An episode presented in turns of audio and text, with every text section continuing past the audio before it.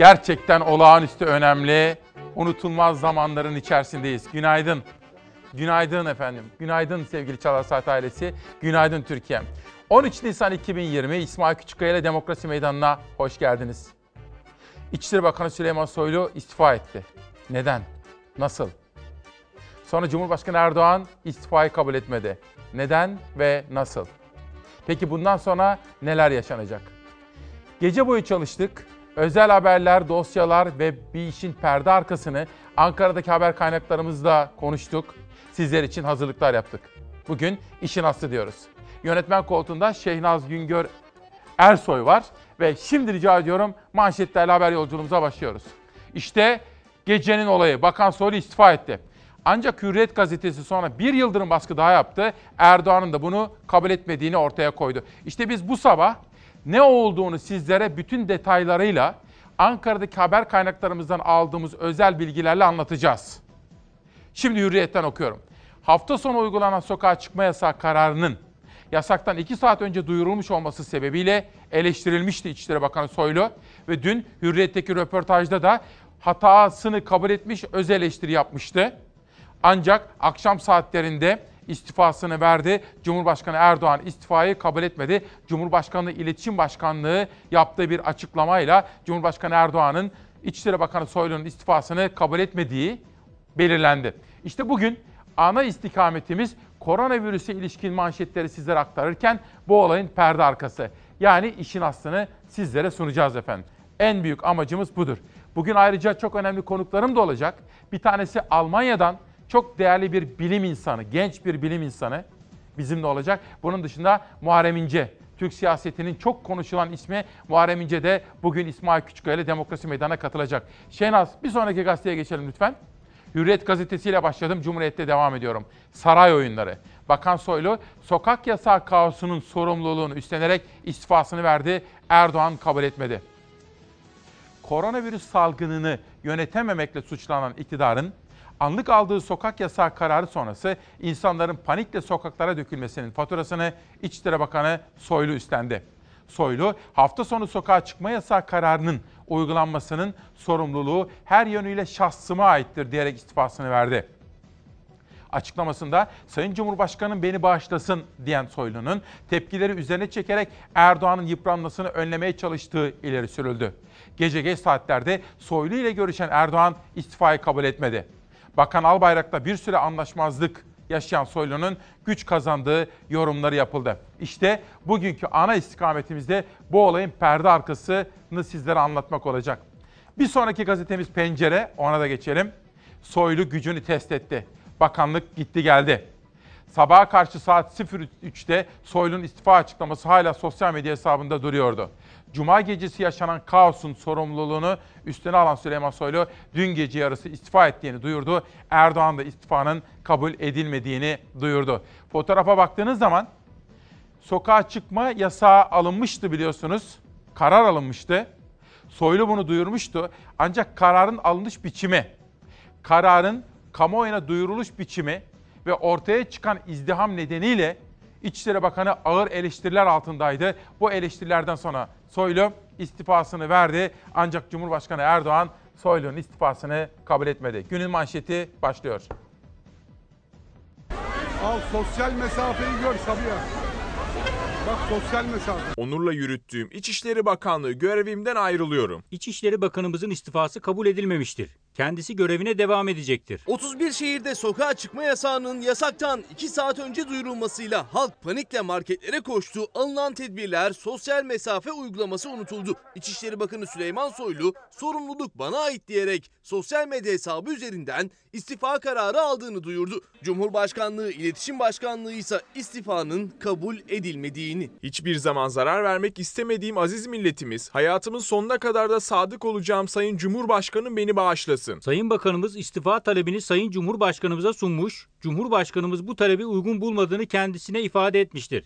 Bir makam sahibinin istifasını sunması kendi takdiridir. Fakat nihai karar Sayın Cumhurbaşkanımıza aittir. Cumartesi ve pazar günlerini kapsayacak şekilde 30 büyükşehir ve Zonguldak'ta 48 saatlik sokağa çıkma yasağı ilan edildi cuma akşamı. Yasak yasağın başlamasına 2 saat kala duyuruldu. Evinde ekmeği olmayanlar, yeteri kadar yiyecek içeceği bulunmayanlar sokaklara koştu. Koronavirüsle mücadeleye yakışmayan görüntüler ortaya çıktı. Şu halimizi gör, şu milleti gör. Yazık günah vallahi yazık.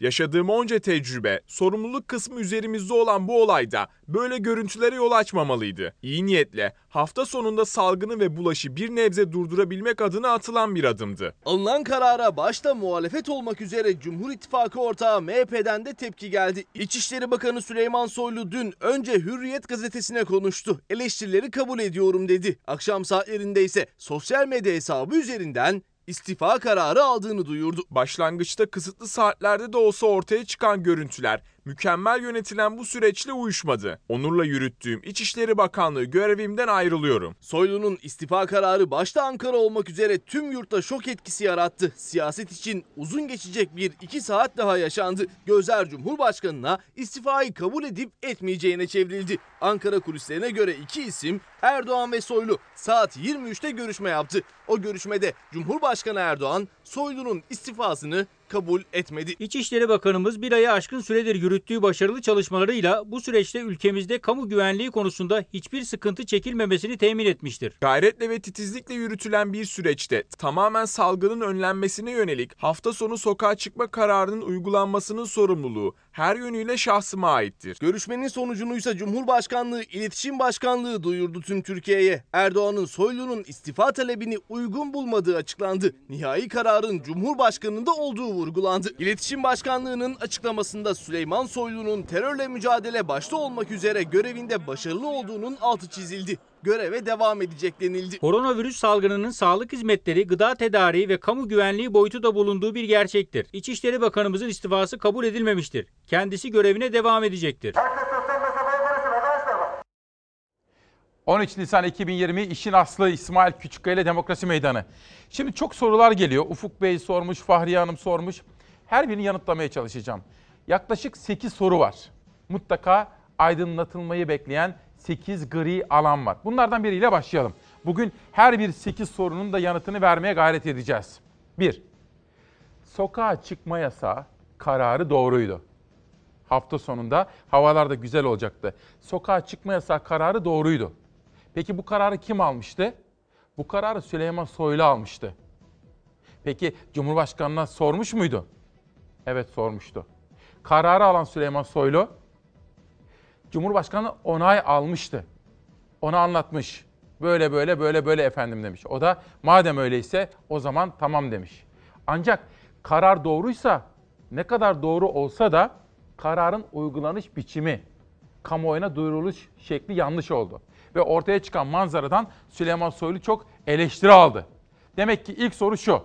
Hafta sonunda sokağa çıkma yasağı kararı doğruydu. Bu kararı Süleyman Soylu almıştı ama Cumhurbaşkanı Erdoğan'ın da onayını almıştı. Fakat bu mekanizma çalışmış olsa da hükümet içinde değerlendirme yapılmadığı için, Sağlık Bakanı da işin dışında kaldığı için ve bunun açılış biçiminde, açıklanış tarzında hatalar olduğu için olduğu için ortaya bir manzara çıktı. O manzaradan dolayı eleştiri alan Soylu da istifa etti. İlk sorular böyle. Devam edeceğim ona merak etmeyin. Çünkü bu konuda çok çalıştık bu sabah. İşin aslını hep beraber öğreneceğiz. Sözcü. Soylu istifasını verdi. Erdoğan kabul etmedi. İçişleri Bakanı Soylu gitti geldi. Zamansız yasakla halkın marketlere hücum etmesine yol açan Bakan Soylu istifa etti. Ancak istifası Cumhurbaşkanı'ndan döndü. Sayfadaki fotoğrafa bakarsanız Soylu'nun aslında ağır eleştiriler alması ve istifa noktasına gelmesinin nedeni işte bu fotoğraflar. Çünkü koronavirüsle mücadele neden sokağa çıkma yasağı kararı alındı? Sosyal mesafe kuralına uyalım, izolasyon uyalım ki bulaşıklık artmasın diye. Ama ortaya çıkan bu manzaradan sonra sorumluluk üstlenen Soylu istifa etti ancak Erdoğan kabul etmedi. İşte bugün bu sorunun yanıtını arıyoruz. Sözcüden sabaha geçiyorum. Sabah gazetesinin manşetinde Türkiye'nin yüz akı. İlk etabı 20 Nisan'da açılacak Başakşehir Şehir Hastanesi ülkemizin dünya çapında gurur abidesi olacak. Dev sağlık üssü korona ile mücadeleye büyük destek verecek diyor efendim. Biraz sonra çok daha detaylı olarak bu haberleri sizlere anlatacağım. Türkiye'den ve dünyadan korona rakamlarının en son, en güncel hali. Yoğun bakıma geçişte azalma eğilimi sürüyor. Entübe edilen hasta sayısında düşüş var. Daha çok test yaptıkça öngörülebilir şekilde daha çok vaka tespit ve izole ediliyor. Tedavide güçlüyüz. Fakat bu mücadele hastanelerde değil, evde kalarak kazanılır. Mücadele hastanelerde değil evde kazanılır diye hatırlattı Sağlık Bakanı. Bir gün önce olduğu gibi yoğun bakıma geçişte azalma eğiliminin sürdüğünü müjdeledi. Koronavirüs mücadelesinde gelinen son noktayı Sağlık Bakanı Fahrettin Koca sosyal medya hesabından duyurdu. 12 Nisan'ın koronavirüs tablosunda gün içinde hayatını kaybedenlerin sayısı 97 oldu. Toplam can kaybı 1198'e yükseldi. Test sayısı 35 bini geçti. Testlerin 4789'u pozitif çıktı. Böylece toplam hasta sayısı 56.956'ya çıktı. Hastaların 1665'i yoğun bakımda tedavi görüyor. 978 kişi solunum cihazına bağlı.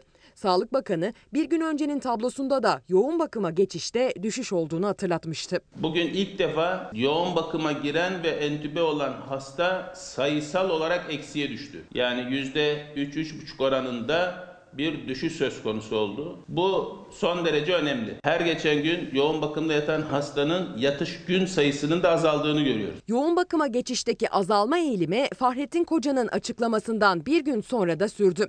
Bu durum Türkiye'nin tedavideki gücünü ortaya koydu. Ayrıca son 24 saatte tablonun iyileşenler hanesine 481 kişi daha eklendi. Toplam iyileşen hasta sayısı 3446 oldu. Fahrettin Koca gelinen son noktayı Türkiye'nin koronavirüsle mücadeledeki başarısı olarak nitelendirdi. Erken dönemde dünyadan farklı bir şekilde klorokinin yaygın bir şekilde kullanımının hastaneye yatışı azalttığını görüyoruz. Devamında özellikle favipiravinin biz Çin daha çok entübe olan hastalar için kullanıyor iken bizim erken dönemde kullanmamızın faydalı olabileceğini, onun da özellikle yoğun bakıma geçişini düşürdüğünü görüyoruz. Bakan, üniversite hastanelerinin rektörleri, tıp fakültesi dekanları ve başhekimleriyle yaptığı video konferans görüşmesinde diğer ülkelerden farklı olarak kullanılan ilaçların yoğun bakıma geçişi azalttığının altını çizdi. Biraz evvel iki sorunun yanıtını vermiştik. Bir sorunun yanıtını daha vermeliyim. Soylu'nun istifa kararını Erdoğan biliyor muydu? Ona da çalıştık, anlatacağım. Ama önce siz uyanan çok kıymetli Çalar Saat ailesi. Serdar Özdemir, İsmail Bey. Evet, şimdi gelelim Cuma günü akşamki konuya. İçişleri Bakanı sokağa çıkma yasağını 21.45'te açıkladı. Peki marketler 21'de kapanmışken kim açtı bu marketleri soruşturulmalı diyor efendim. Bir başkası Erdoğan. Merhaba, büyük oyun oynanıyor. Tam bir tiyatro, Oscar'lık bir oyun diyorlar. Erdoğan 14, 87, 61, 54 rumuzlu arkadaşımız. Soru şu, biraz evvel 2-3 soruya yanıt aramıştık. Hayır, Süleyman Soylu istifa ettiğinde Cumhurbaşkanı'nın haberi yoktu. Soylu, işte bu cep telefonlarının notlar bölümü var. O kadar ani olmuş ki notlar bölümünü açıp kendisi yazmış istifa dilekçesini. Ancak Cumhurbaşkanı Erdoğan istifayı kabul etmedi. Neden kabul etmediğini sizlere saat 8.30 civarında anlatacağım. Hatırlar mısınız? Geçen yıl Mehmet Ağar'la bir hastanede karşılaşmıştım. Bir geçmiş olsun ziyaretinde. Orada oturmuştuk. Ortak bir tanıdığımızın ziyaretine gitmiştik. Ayrı ayrı gittik de orada karşılaştık. O bana Soylu üzerinden bir analiz yapmıştı. Soylu üzerinden AK Parti analizi iznini alarak sizlerle paylaşmıştım. İşte oradan da yola çıkarak Soylu'nun istifası neden kabul edilmedi sizlere saat 8.35 civarında yorumumu yapacağım efendim. Sabahtan bir haber daha gelsin. Soylu'nun istifası başkandan döndü diyor Sabah gazetesi. İçişleri Bakanı Soylu'nun istifa kararı Başkan Erdoğan tarafından kabul edilmedi. İçişleri Bakanı Soylu sokağa çıkma yasağı kararı sonrası ortaya çıkan görüntüler nedeniyle istifa ettiğini duyurdu. İletişim Başkanlığı ise konuya son noktayı koydu. Nihai karar Cumhurbaşkanımıza aittir. İstifa kabul edilmemiştir. Bakanımız görevine devam edecektir diyor Sabah gazetesi. Sabahtan Bir Gün gazetesine geçiyorum. Bir Gün gazetesinin manşetinde koronayı kuluçkaya yatırdılar. Sokağa çıkma yasağının yarattığı kaos kritik bir sürecin fitilini ateşledi. Uzmanlara göre virüs kuluçkaya yatırıldı. Fatura iki hafta içinde ortaya çıkacak.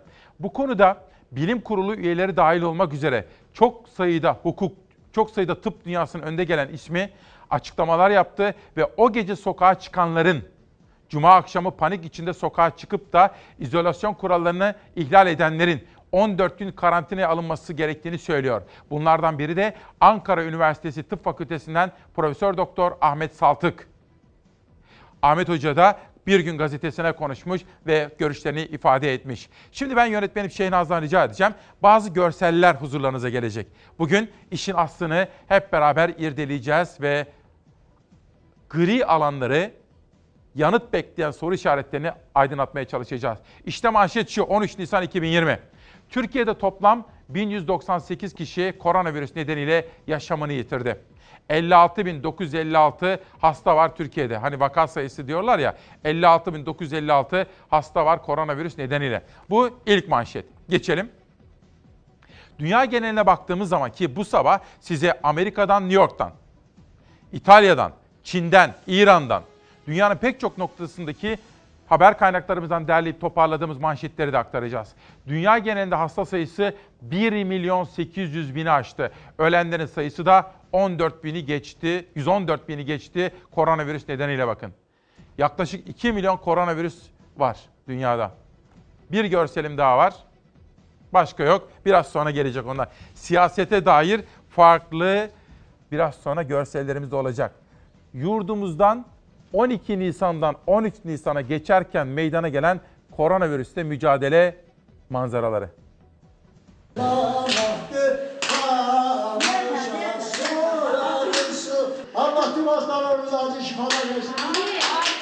Koronavirüsü yendiler, yöresel halk oyunuyla taburcu edildiler. Koronavirüs salgınıyla mücadele eden hastalardan peş peşe iyi haberler geldi. Yanasın,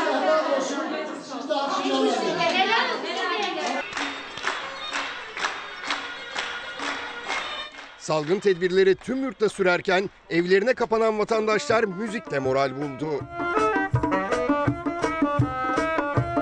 Çalıyorlar her gün belli bir saatte. Gerçekten motive oluyoruz.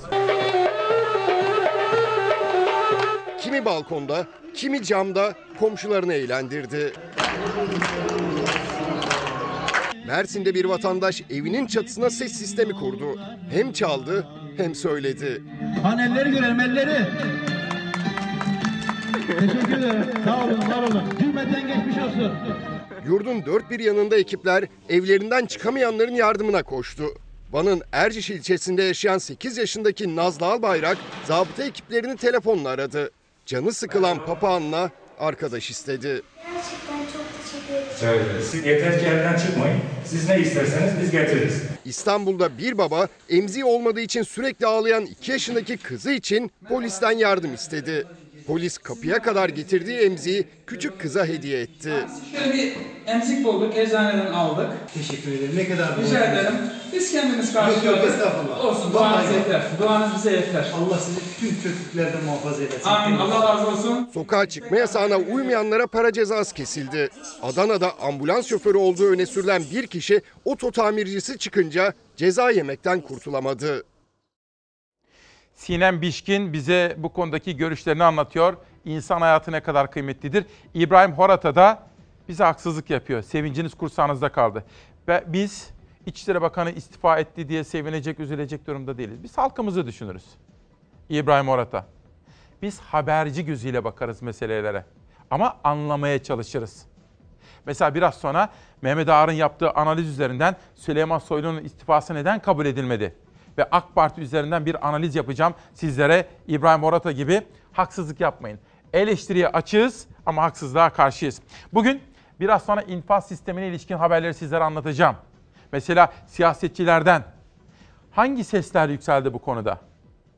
Mesela fırsatçılık mı yapılıyor? Teknolojinin imkanları bertaraf mı edilecek? Sansür mü geliyor? Bir siyasetçi bu konuda sesini yükseltti. Bugün İsmail Küçükkaya ile Demokrasi Meydanı'nda Emel Güz şiirleri okuyacağız. Ruhum gövdemde değil diyen Emel Güz'den şiirler ve ayrıca sizlerden gelen kitaplar onlardan birini tanıtalım hemen. Ötekileri görmek, Yağmur Ertekin, Kadın ve Göç Hikayeleri. Ve şimdi görseller gelsin sosyal medya manşetleri. Hadi bakalım. Temel Karamollaoğlu. Hayretler içerisindeyiz. Geçiş garantisi verilen köprüler, hasta garantisi verilen hastanelerden sonra şimdi bir de orman yangını garantili yangın uçakları ihalesi mi yapılacak? Anlaşılan iktidar yaşananlardan hiç ders çıkarmamış. Salgın ile mücadele ettiğimiz şu günlerde bile ihale ve özelleştirmelerden vazgeçmiyor. Maskeli Kanal İstanbul ihalesinden sonra şimdi Türk Hava Kurumu'nun yangın uçakları ve gayrimenkulleri satışa çıkarılıyor. Temel Karamollaoğlu bugün yapılacağı açıklanan bir ihaleye Türk Hava Kurumu'nun taşınmazlarının uçaklarının satılacağına dair bir ihale. Buna tepki gösteriyor. Ve bunu şöyle de bilgi vereyim. Mahkemelik oluyor.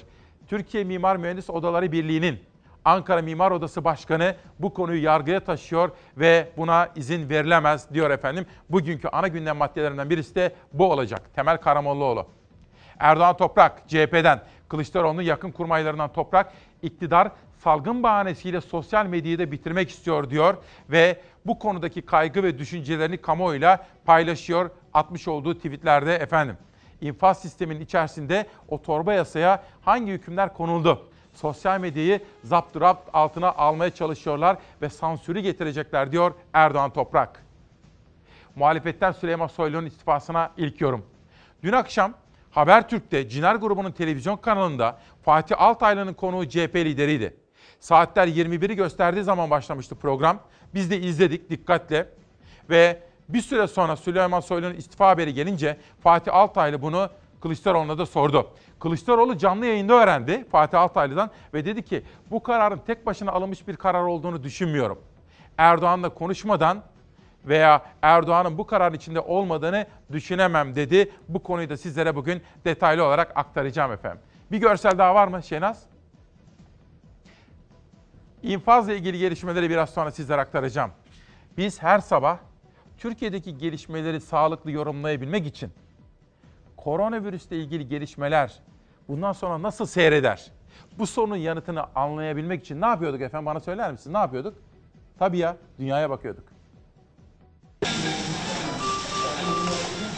Amerika Birleşik Devletleri'nde koronavirüs nedeniyle yaşanan can kaybı İtalya'yı geçti. İngiltere Başbakanı Boris Johnson tedavisinin ardından hastaneden taburcu edildi. Paskalya Bayramı korona tedbirlerinin gölgesinde kutlandı. Koronavirüsten ölenlerin sayısı dünya genelinde 114 bini aştı. Ölümlerin 75 bini Avrupa'da gerçekleşti. Virüse yakalanıp da iyileşenlerin sayısı 400 bini geçti. Salgından en çok etkilenen Amerika'da son 24 saatte 2000'e yakın kişi hayatını kaybetti. Ölü sayısı 22 bini aşınca Amerika can kaybında İtalya'nın önüne geçti. Ülke tarihinde ilk kez tüm eyaletlerde büyük felaket deklarasyonu yayınlandı. En çok ölümün yaşandığı New York'ta okullar Eylül ayına kadar kapatıldı. Yoğun bakımda çalışan bir hemşirenin gözyaşları salgının boyutlarını gözler önüne serdi. Patient's dead. Uh. İngiltere'de yoğun bakımdan çıkarıldıktan sonra taburcu edilen Başbakan Boris Johnson hastane çalışanlarına teşekkür etti. Onlara hayatımı borçluyum dedi. Johnson'ın hemen işbaşı yapmayacağı bir süre daha dinleneceği öğrenildi. some Belçika'nın başkenti Brüksel'de koronavirüs kontrolü ölüm getirdi. Polis kontrolden kaçan bir genci otomobille çarptı. Genç hayatını kaybedince çevredekiler polis aracına saldırdı. Mayıs ayında salgını kontrol altına almaya amaçlayan İran'da toplam can kaybı 5000'e tırmandı. Ülkede tedbirler hafifletilmeye başlandı. Cumhurbaşkanı Hasan Ruhani koronavirüsle mücadelede Avrupa'dan daha iyi durumda olduklarını savundu. 130 kişinin hayatını kaybettiği Rusya'da vaka sayısında rekor artış görüldü. Bir günde 2186 kişi daha hastalığa yakalandı. Aktif vaka sayısı 14 bini geçti. Salgınla mücadeleye destek olmak için yola çıkan Çin sağlık ekibi Rusya'ya ulaştı. Hristiyan aleminin kutladığı Paskalya Bayramı'na virüs tedbirleri damgasını vurdu. Papa Francis, Vatikan tarihinde ilk kez cemaat olmadan ayin düzenledi. Paskalya Bayramı Meksika'da ise izdama neden oldu. Sokakta düzenlenen ayine yaklaşık 5000 kişi katıldı. Bu haberi Beyza Gözeyik hazırladı. Biraz sonra Zafer Söken bir Süleyman Soylu dosyası hazırlıyor. Rica ettim ondan. Bunun dışında Ezgi Gözeger'le birlikte Zeray Kınacı müthiş haber dosyaları hazırladık. Az evvel ifade ettiğim gibi rejimizde Şehnaz var. Şehnaz Ersoy ve rejideki arkadaşlarım. Kameralarda Mümin kardeşim ve İsmail kardeşim bana yardımcı oluyor. Şöyle bir hikaye var onu anlatayım. Danışmanım Nihal Kemaloğlu ile konuşuyorduk. Dedi ki Soylu istifa edebilir bu akşam dedi. Dün öğleden sonra 5 civarında çalışırken. Dedim ki burası İsveç mi? Bilmem dedi. Olabilir belki böyle bir gelişme. Çünkü kamuoyundaki olaylar, gelişmeler. Sonra akşam saatlerinde istifa. Danışmanım bana mesaj. Bak Türkiye İsveç olma yolunda. Ancak ne oldu? Etiketler değişti. Gece Cumhurbaşkanı kabul etmedi. Neden kabul etmediği çok önemli. Sağlıklı, sakin bir şekilde analiz etmemiz gerekiyor.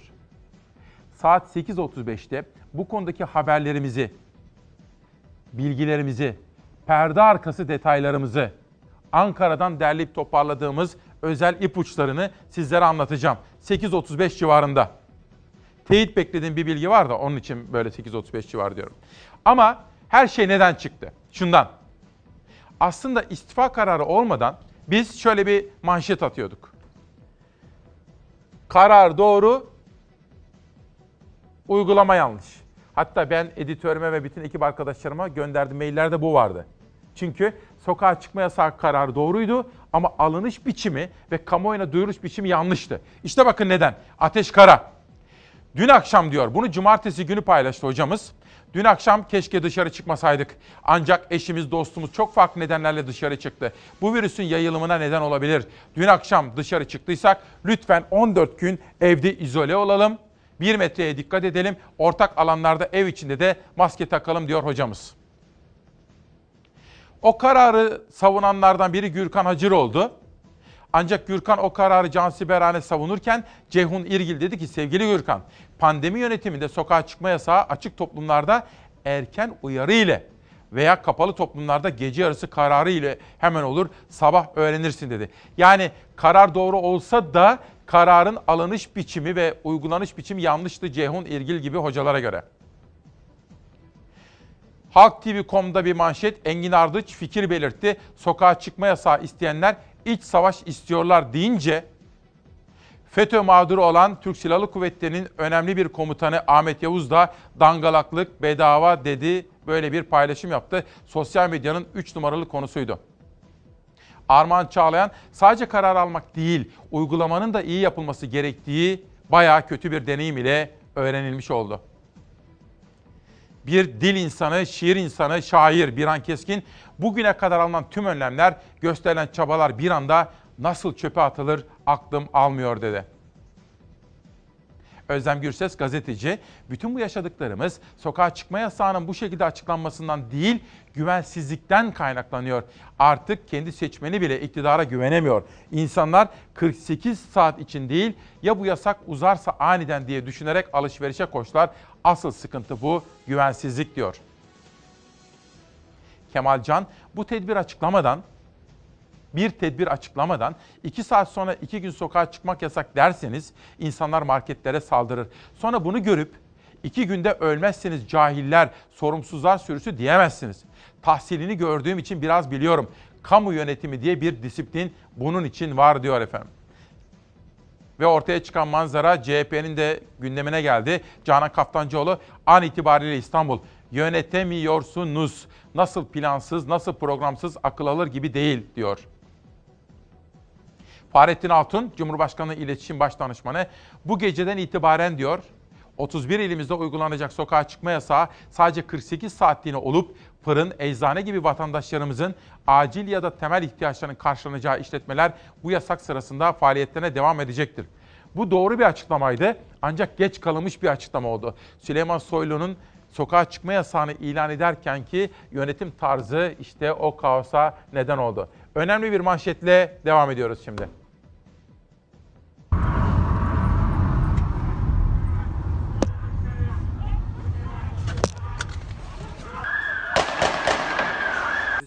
Zaman silah sesleri yükseldi sokaklardan. Sokağa çıkma yasağını delenler polisle karşı karşıya geldi. Bazı yerlerde dakikalarca süren kovalamaca, bazı yerlerde ise silahlı çatışma vardı. Arabadan da sıkıyorlar şuradan. Sokağa çıkmanın yasak olduğu 31 ilde kurallara uymayanlar polise zor anlar yaşattı. İstanbul Beyoğlu'nda Ali M'yi kapalı olan bir akaryakıt istasyonuna girmeye çalışırken yakaladı polisler. Çıkan arbedede komiser yardımcısının yere düşen silahını aldı saldırgan, etrafa ateş açtı. Polis ekipleri de geldi.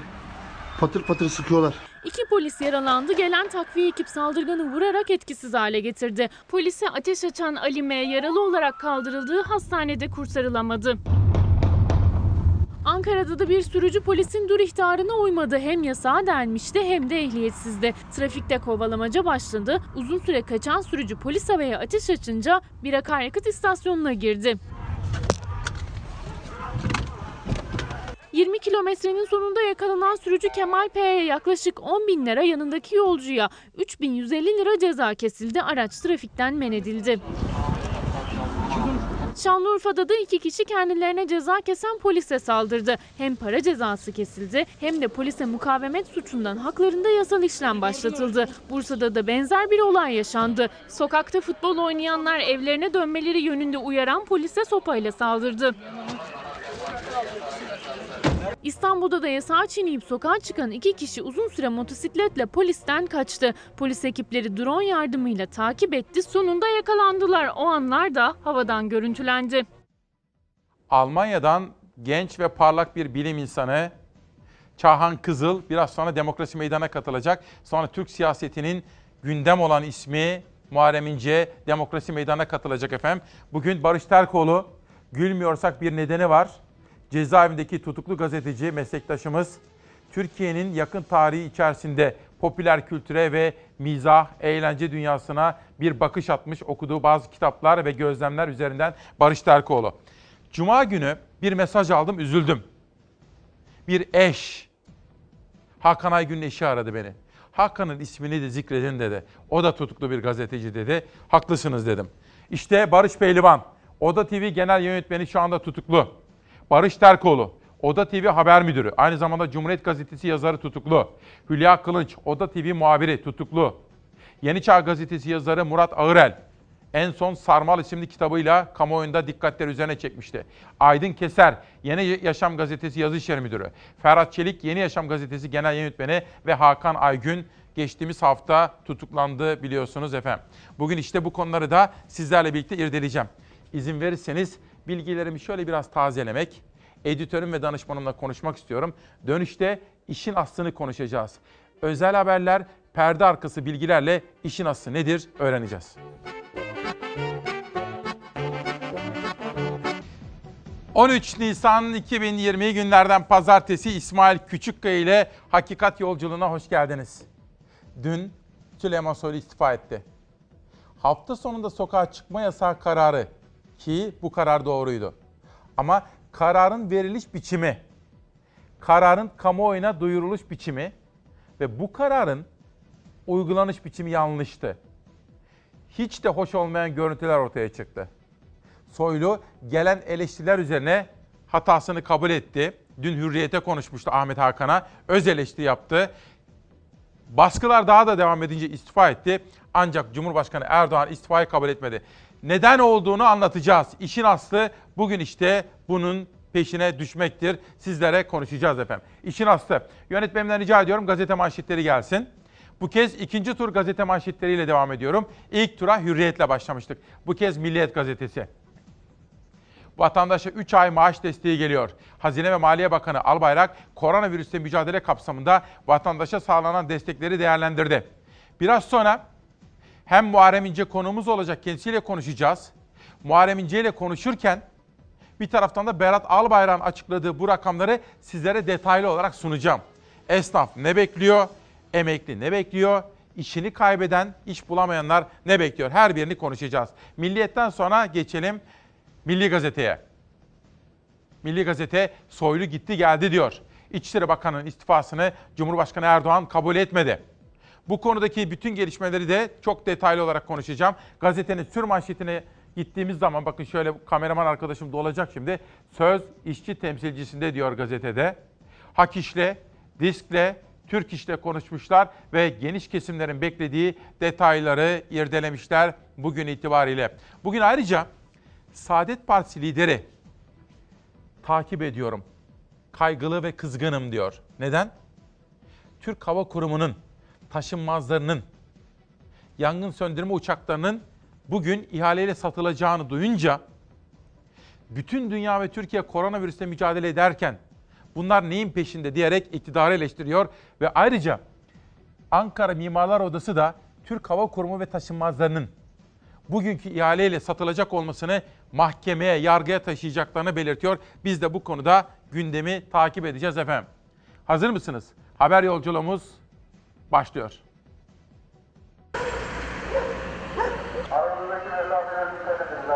Serbest olunca çıktık işte. Geziyoruz, dolaşıyoruz. Yasak sona erdi. Gece yarısı olmasına rağmen sokağa çıkanların sayısı hiç az değildi. Normalde e, biz günlük 200 tane şırdan atıyorduk tezgahımıza bir ilçede olduğu için. Şu an 200 şırdanımız bitti. Mutfakta tekrar bir 100 tane attırdık. E, beklemekte olanlar var. Adana'da gece yarısından sonra şırdan telaşı yaşandı. Hafta sonu 30 büyük şehir ve Zonguldak'ı kapsayan sokağa çıkma yasağından sonra gece yarısı sokağa çıkan Adanalılar şırdan yemeye gitti. Telefonda sipariş almaya başladık. Yani açılır açılmaz gece 24'ten sonra mutlaka şu kadar 5 tane ayırın, 3 tane ayırın. Hasta sayısının en fazla olduğu İstanbul'da da sokağa çıkanların sayısı hiç az değildi. Tek çift sayı uygulamasıyla çalışan taksiciler de gece yarısından sonra işbaşı yaptı. İki günlük sokağa çıkma yasağı da bana göre iyi oldu. İnsanları evde tutmak biraz zor. Biz de devamlı dolaştığımız gördüğümüz için İstanbul'u. Mağdur da olduk biraz ama çalışmaya başladık. Yasak bitti.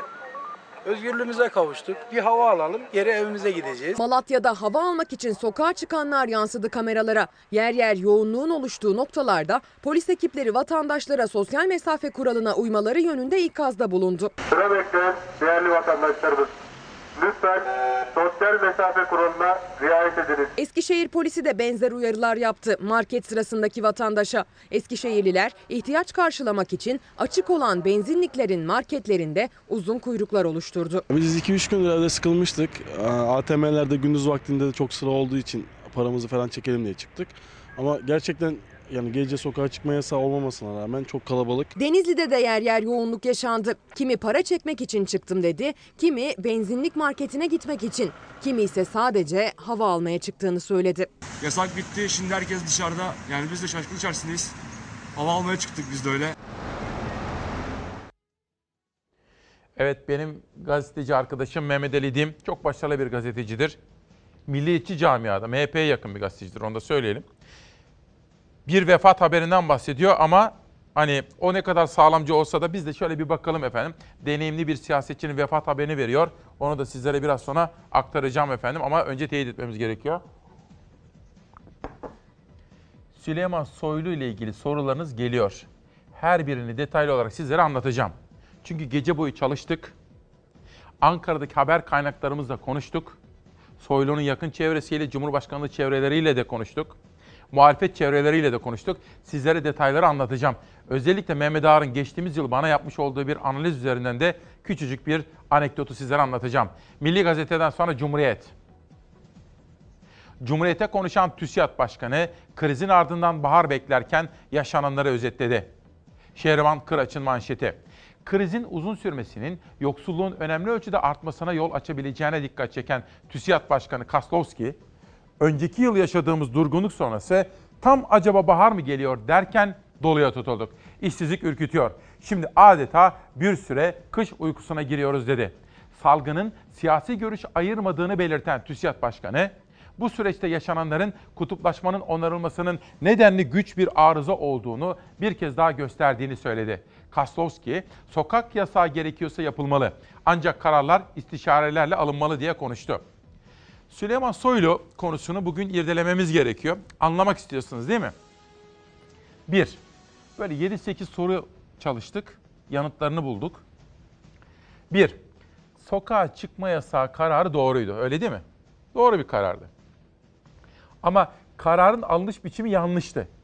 Bir kere insan Sağlık Bakanı ile konuşuyor, bilim kuruluyla tartıştırır, hükümet içerisinde konuşulur. Karar doğru, uygulama yanlış. Karar doğru, kamuoyuna bunun duyuruluşu yanlıştı. Bu ikisi önemli. Peki Süleyman Soylu bu kararı kendisi mi verdi? Evet. Peki Cumhurbaşkanı'ndan habersiz mi verdi? Hayır. Cumhurbaşkanı'ndan habersiz böyle bir karar açıklanmaz. Mümkün değil. Karar Soylu'ya ait ama Cumhurbaşkanı'nı bilgilendirmiş ve onayını almış. Ama ortaya çıkan manzaradan sonra Soylu tabii ki ateş hattındaydı. Çünkü kararın uygulanış biçiminde hatalar vardı. Bunlar ulaşabildiğimiz ilk bilgiler. Ve gelelim istifa sürecine. Onu da sizlerle konuşacağım. Ama önce hafta sonu sokağa çıkma yasağı kararı ki o doğru karar ama yanlış uygulama. Ona şöyle bir yakından bakalım. Açık olan yerler çok az olduğu için doğal olarak milletimizin bir telaşı var. Ee, ben bunu da normal karşılıyorum. Böylesi kırılgan bir dönemde İçişleri Bakanı Süleyman Soylu'nun istifa niyeti sürdürülen mücadele ruhunu sekteye uğratma riski taşımaktadır. Sayın Erdoğan'ı kurtarmak için e, Sayın Soylu'nun istifa etmesini de anlayışla karşılıyorum. Hatayı ve başarısızlığı kabullenmek, sorumluluğunu üstlenmek olgunluk gerektirir. Sayın Süleyman Soylu'ya göstermiş olduğu olgun davranış nedeniyle teşekkür ediyorum. Cumhurbaşkanımız İçişleri Bakanımızın istifasını kabul etmemiştir. Kendisi görevine devam edecektir. Birlik ve beraberliğimize kimse balta vuramayacaktır. İçişleri Bakanı Süleyman Soylu'nun istifa kararı siyasetin gündemini ısıttı. Parti genel başkanlarından ilk yorumlar geldi. Soylu'nun istifa kararı Cumhurbaşkanı Erdoğan'dan döndü. MHP lideri Bahçeli istifanın kabul edilmemesinden memnunuz dedi. Milliyetçi Hareket Partisi meskur istifanın kabul edilmemesinden ziyadesiyle memnundur. Cuma akşamı sokağa çıkma yasağının ilanıyla marketlerde, fırınlarda izdiham yaşandı. Sosyal mesafeden, izolasyondan uzak görüntüler kaydedildi. Bu tablonun sorumlusu benim dedi İçişleri Bakanı Süleyman Soylu. İstifa kararı aldı. Kararı tek başına Süleyman Soylu Bey'in alacağına inanmıyorum. Sağlık Bakanı'nın tek başına karar alamadığı gibi. Soylu'nun kararı sırasında bir televizyon kanalında canlı yayında olan CHP lideri Kemal Kılıçdaroğlu anlayışla karşılıyorum dedi. Amaç Erdoğan'ı kurtarmak diye konuştu. Sayın Erdoğan'ı kurtarmak için e, Sayın Soylu'nun istifa etmesini de anlayışla karşılıyorum. İyi Parti lideri Meral Akşener olgun davranış diye yorumladı istifa kararını. Ancak istifanın kabul edilmemesinden sonra bir yorum yapmadı. MHP lideri Devlet Bahçeli ise Soylu'dan övgüyle bahsetti. İstifa kararını Erdoğan'ın kabul etmemesini memnuniyetle karşıladık diye konuştu. Sayın Süleyman Soylu azimli, inançlı, dirayetli ve mücadeleci kişiliğiyle Türkiye'nin en hassas döneminde üstlendiği bakanlık görevini başarıyla yerine getirmiştir. Bizim temennimiz bu görevine kararlılıkla devamından yanadır. Cumhurbaşkanı Erdoğan'ın Soylu'nun istifasını kabul etmemesi sonrası yurdun dört bir yanında İçişleri Bakanı'na destek gösterileri vardı. Başkent Ankara'da, İstanbul'da, Bursa'da, Elazığ'da, Trabzon'da ve Rize'de Soylu'ya destek verenler sokağa çıkma yasağının sona ermesiyle sokaklara koştu, destek gösterileri düzenledi. Soylu böyle kararı kendi aldı, Cumhurbaşkanı onayını aldı, duyurdu. Orada bir hata yaptı duyururken. Keşke Bilim Kurulu, Sağlık Bakanı ki Sağlık Bakanı çok güven kazanmış bir isim. Yani AK Parti'ye yakın olsanız da olmasanız da Sağlık Bakanı güven tesis ediyor size değil mi? Biraz böyle konuşmalar, hele Cuma günkü konuşması falan nasıldı? Ceren kardeşim, Hatice teyzem, İsmail abim böyle. Hani bizim büyüklerimize de sesleniyordu. Güven tesis ediyordu Sağlık Bakanı. Peki istifa ederken burada bir numara var mı? Bir Hayır. Cumhurbaşkanıyla konuşmadan istifa etti. Çünkü tepkiseldi ama belki düşünmüştür.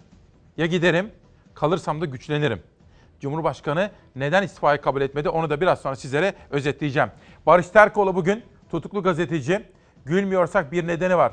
Türkiye'nin yakın dönemine bir bakmış. Starlar, mizah dünyası, televizyon dünyası, reklam dünyası bütün bu süreçleri irdelemiş ve bunun ideolojik perde arkasını da yazmış. Bu arada Gülşah İnce bizim muhabir arkadaşımız bana ulaştı. Barış'ın avukatı bana ulaşmaya çalışıyormuş. Gece meydana gelen bir gelişmeden beni haberdar ediyor. Arkadaşlarıma yönlendirdim. İnceliyorlar. Doğruladıktan sonra sizlere aktaracağım bilgiyi. Cumhuriyet'ten sonra Pencere gazetesi geliyor. 20 bin firma 2 milyon çalışan için başvurdu. 200 200 bin firma 2 milyon çalışan için başvurdu. Şehnaz teşekkür ediyorum. Albayrak'ın açıklamasına göre 700 bin kişi maaşından %40 daha az alacak. Hazine ve Maliye Bakanı Berat Albayrak tarafından yapılan açıklamaya göre 200 bin şirket kısa çalışma ödeneğine başvurmaya başladı. 700 bin çalışan için kabul edildi. Biraz sonra Muharrem İnce ile konuşacağız. Türk siyasetinin olay adamı, gündem yaratan adamı. Onunla konuşacağız ve bu konuyu da irdeleyeceğim. Muharrem İnce ile konuşurken araya Berat Albayrak bu açıklamalarını haber olarak hazırladık ki kendisine sorma imkanımız olsun diyorum. Bir detay daha var mı yoksa geçelim dünyaya. Dünya Gazetesi otomotivde en iyi senaryo Mayıs'ta işbaşı. virüs salgınının ciddi bir belirsizlik yarattığını vurgulayan OSD Başkanı Haydar Yenigün sadece B ve C değil Z planını bile yaptık dedi. Tabii sektör zor durumda ancak farklı alternatifler üzerine çalışmışlar. Haydar Yenigün'le yapılan bir röportajdan bunu öğreniyoruz. Bir detay daha gelsin ekonomi dünyasına dair. Evrenselden, evrenselden evet. Orada da ekonomi var. Fabrikaya dönüş endişeyi büyütüyor. Pozitif vaka çıktığı için üretimini durduran fabrikalar yeniden faaliyete geçiyor. Salgın riski altında çalışacak olan işçiler ve ailelerin can güvenliği endişesi büyüyor diyor efendim. Şöyle yapılabilir miydi? Size soracağım. Şimdi bahar ya. Havalar güzel. Hafta sonunda dışarı çıkmamak gerekiyor değil mi? Bu karar doğru. Doğru.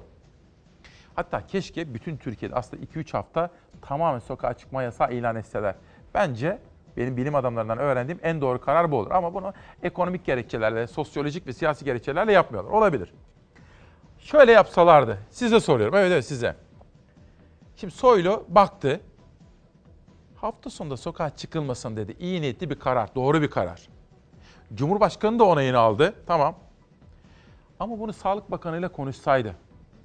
Çünkü Sağlık Bakanı güven tesis etmiş. Çünkü onunla ilgili de bir konu. Beraber açıklama yapsalardı. Hatta önce bilim kuruluna katılsaydı Soylu. Bilim kurulunda konuşsaydı. Oradan çıkıp bakanlar kuruluna geçseydi. Olayın siyasi bölümünü tartışsalardı. Sonra Cumhurbaşkanı'ndan da onayı alıp belki bakanlar kurulunda da bu onay mekanizması biterdi. Duyursaydı hatta Sağlık Bakanı ile beraber duyursalardı daha doğru, daha iyi olmaz mıydı? Sayın Erdoğan'ın o akşam canı sokağa çıkma yasağı çekti ve birden sokağa çıkma yasağı ilan edildi. Biz de bilim kurulunun tavsiyeleri çerçevesinde, Sağlık Bakanlığı'nın değerlendirmeleri çerçevesinde buna ihtiyaç olduğu zaman e, yapalım dedik. Bilim kurulunun değerli üyelerine seslenmek istiyorum. Ya sonuna kadar doğruları söyleyip iktidarı doğru yola sokun ya da onurunuzla o kuruldan ayrılın. Bilim Kurulu toplantısından birkaç saat sonra İçişleri Bakanı Süleyman Soylu'nun Cumhurbaşkanımızın talimatı diyerek duyurduğu İbrahim Kalın'ın Bilim Kurulu'nun uyarısıyla yaptık dediği sokağa çıkma yasağından Bilim Kurulu'nun haberi yoktu iddiası gündemde. Akşener kurul üyelerine ya doğruları savunun ya da istifa edin çağrısı yaptı. Sakın ola ki mesleki itibarınızı siyasilerin bireysel hesaplarına kurban etmeyin. Bilim kurulunda bugün gündeme gelmedi ama önümüzdeki günler zannediyorum bu konu biraz daha devam edebilir. Yeni ilave durumu yok. Sağlık Bakanı Fahrettin Koca Cuma günkü bilim kurulu toplantısı sonrası kurdu bu cümleyi. 30 büyükşehir ve Zonguldak'a seyahat yasağı dışında bir ilave tedbirimiz yok dedi. Ama 2 saat sonra İçişleri Bakanlığı 31 ilde hafta sonu sokağa çıkma yasağı uygulanacağını duyurdu. Bilim kurulu üyelerinin açıklamalarına bakılırsa onlar için de sürpriz oldu. Havaların güzel gitmesiyle, ısınmasıyla birlikte, güneşin çıkmasıyla birlikte bizim insanımızın hafta sonunda rahat durmayacağı ve kırlara, işte parklara, işte piknik yapmak için, mangal yapmak için çıkacağı varsayımı üzerinden herhalde e, özellikle alınmış bir tedbir gibi görünüyor. Belki sokağa çıkma yasağını ilan ederken iki gün boyunca sokağa çıkmak yasak demeden önce e, gıda ve su ve sağlıkla ilgili e, herhangi bir kısıtlama olmaksızın e, bu yasağın gerçekleşeceğini baştan söylemek gerekiyordu herhalde. Bilim kurulu yok sayıldı. Bilim kurulu üyeleri dehşet içindeler. Bazıları istifaya kalkışmış. Böyle bir şey yapılabilir mi diye. Bildiğim bir şey var. Bilim kurulunun içinde çok sayıda, azımsanmayacak sayıda kişi bu olaya inanılmaz tepki gösterdi. Muhalefet sokağa çıkma yasağı kararı bilim kuruluyla görüşülmeden alındı derken kurul üyelerinden bazılarının istifadan döndürüldüğü iddiasını dile getirirken Meral Akşener'den kurul üyelerine ya doğruyu söyleyin ya da kuruldan ayrılın çağrısı yükseldi. İktidarı doğru yola sokun ya da onurunuzla o kuruldan ayrılın. Bu sizi bulunduğunuz yere getiren bu topraklara bu millete olan borcunuzdur. Sayın Cumhurbaşkanımızın da talimatıyla birlikte sokağa çıkma yasağı e, ilan edildi. İçişleri Bakanı Süleyman Soylu da yasak kararı için Cumhurbaşkanının talimatı demişti. Ancak yeni günde söylem değiştirdi. Zamanlaması açısından alınan karar bakanlığımıza ait bir karardır. Süleyman Soylu şu anda sarayın tepesine dikilmiş siyasi bir paratoner. Tepkileri çekecek, topraklayacak, saraydaki de Süleyman'ı kollayacak, kimseye bir şey olmayacak. Hesap bu. Osman Bey diyor ki amma da safsınız yediniz numarayı.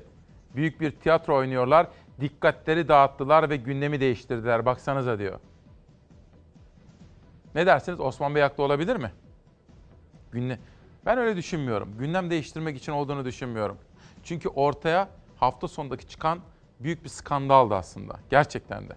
Doğru bir karar yanlış uygulanınca ortaya koronavirüsle mücadeleye gerçekten yakışmayacak, uygun düşmeyecek hatalı bir manzara ortaya çıkmıştı. Ve bunun bir müsebbibi olması gerekiyordu. Soylu bir tavır sergiledi, istifasını etti.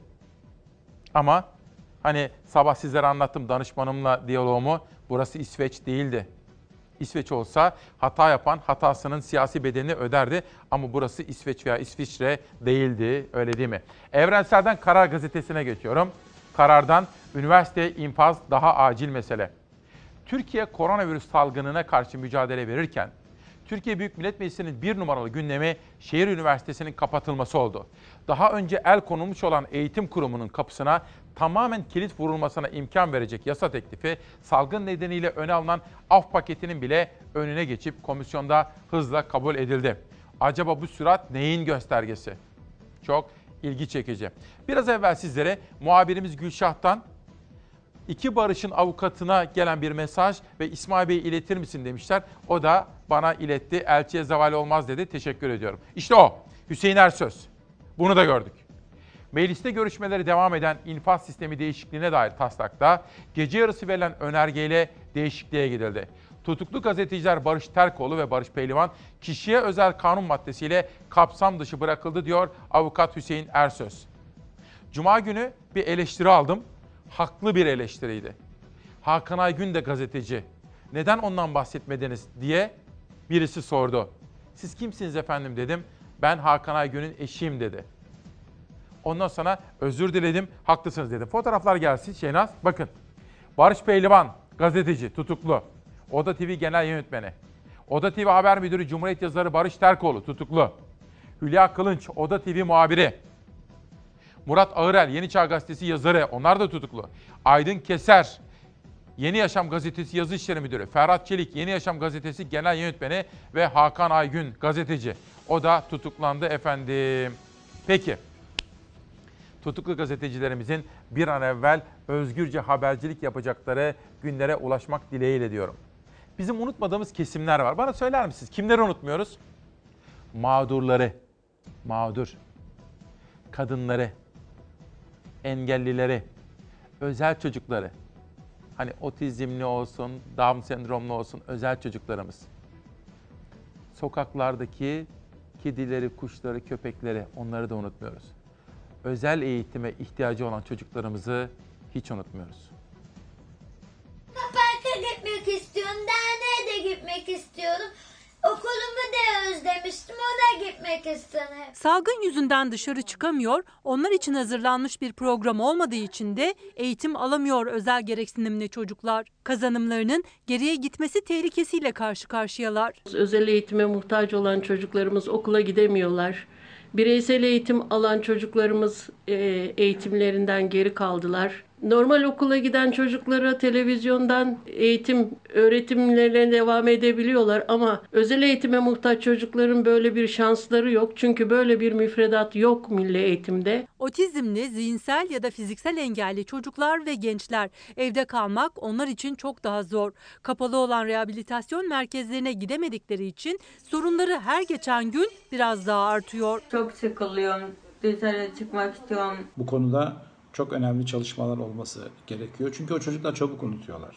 Bakırköy Kent Konseyi Milli Eğitim Bakanlığı'na böyle seslendi. Müfredat çalışması yapılmasını, tüm engellilerin uzaktan eğitim alabilmesini istediler. Görme engelli üniversitelilerse eğitime ulaşabiliyor ama büyük zorluk yaşıyor. Hocalarımızın bizim ekranlara yansıttığı sunumları göremiyoruz. Ayrıca hocalarımıza soru yazacağımız ya da hocalarımıza soru sorduğunda cevap yazabileceğimiz alana erişebilir olmaması nedeniyle ulaşamıyoruz. Binlerce kas hastası ise sağlıklarıyla ilgili büyük endişe yaşıyor. Bağışıklık sistemleri zayıf, bir kısmı yatağa bağımlı.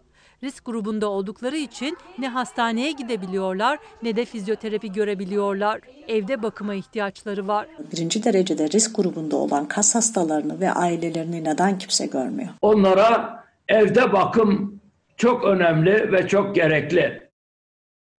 Evet biraz sonra Almanya'dan genç ve gelecek vadeden bir bilim adamıyla konuşacağız. Almanya'daki gelişmeleri, genetik bilimi üzerine çalışıyor. Parlak bir beyin. Ondan sonra da onu uğurlayacağız. Muharrem İnce ile Türk siyasetinin olay adamıyla konuşacağız efendim. Bu arada İsmail abi iyi yayınlar. Sizin de bazen gelmiş olduğunuz Ankara'da yaşarken yemek yediğiniz bir yer vardı diyor. Restoran değil ama bunun ismini söylersek bir sosyal tesis ama Kavaklıdere'de bir sosyal tesis diyeyim. İşçiler bugün maaşlarınızı almayı biliyorsunuz denilerek boş binayı temizlemeye çağrıldı. İşçilerin hayat hakkı yok mu diye soruyor. D.KRKC. Tam adını da bana yazmamış. İsmail Bey sizin hassas olduğunuz bir konuda bir bilgi vermek istiyorum. Nur Banu benim eskiden birlikte çalıştığım bir gazeteci arkadaşım. İsmail Bey sizin hassas olduğunuzu bildiğim bir konuda bir bilgi vermek istiyorum. Cem Hakko maske üretimine marka adı vermedim. Şirketiyle ilgili şirketin adı da var ama onu yazmadım. Cem Hakko işte filanca firmasına talimat verdi. Yatırım yapıldı maske üretimine. El değmeden steril bir ortamda 3 milyon maske üretilecek ve Sağlık Bakanlığı'na bağışlanacak.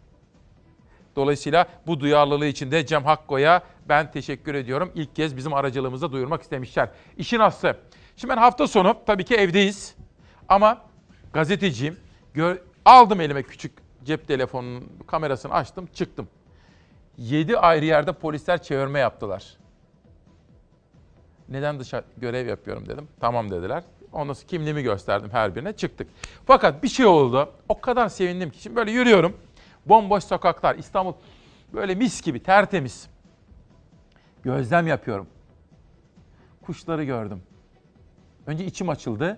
Sonra içim acıdı. Bunlar dedim ne yiyecekler içecekler şimdi. Yürümeye devam ederken ileride birini gördüm.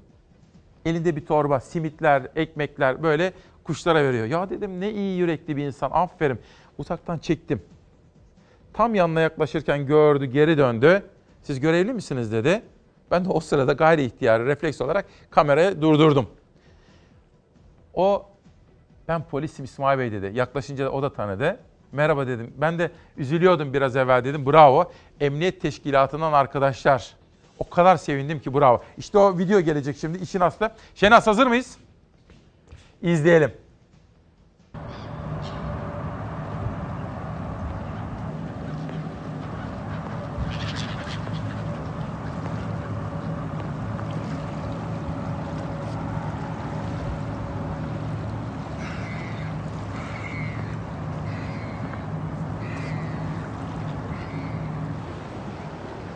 Biraz önce düşünmüştüm. Bunlar şimdi ne yiyecekler diye. Bakın ince düşünceli bir arkadaş gördüm. Kuşları düşünmüş.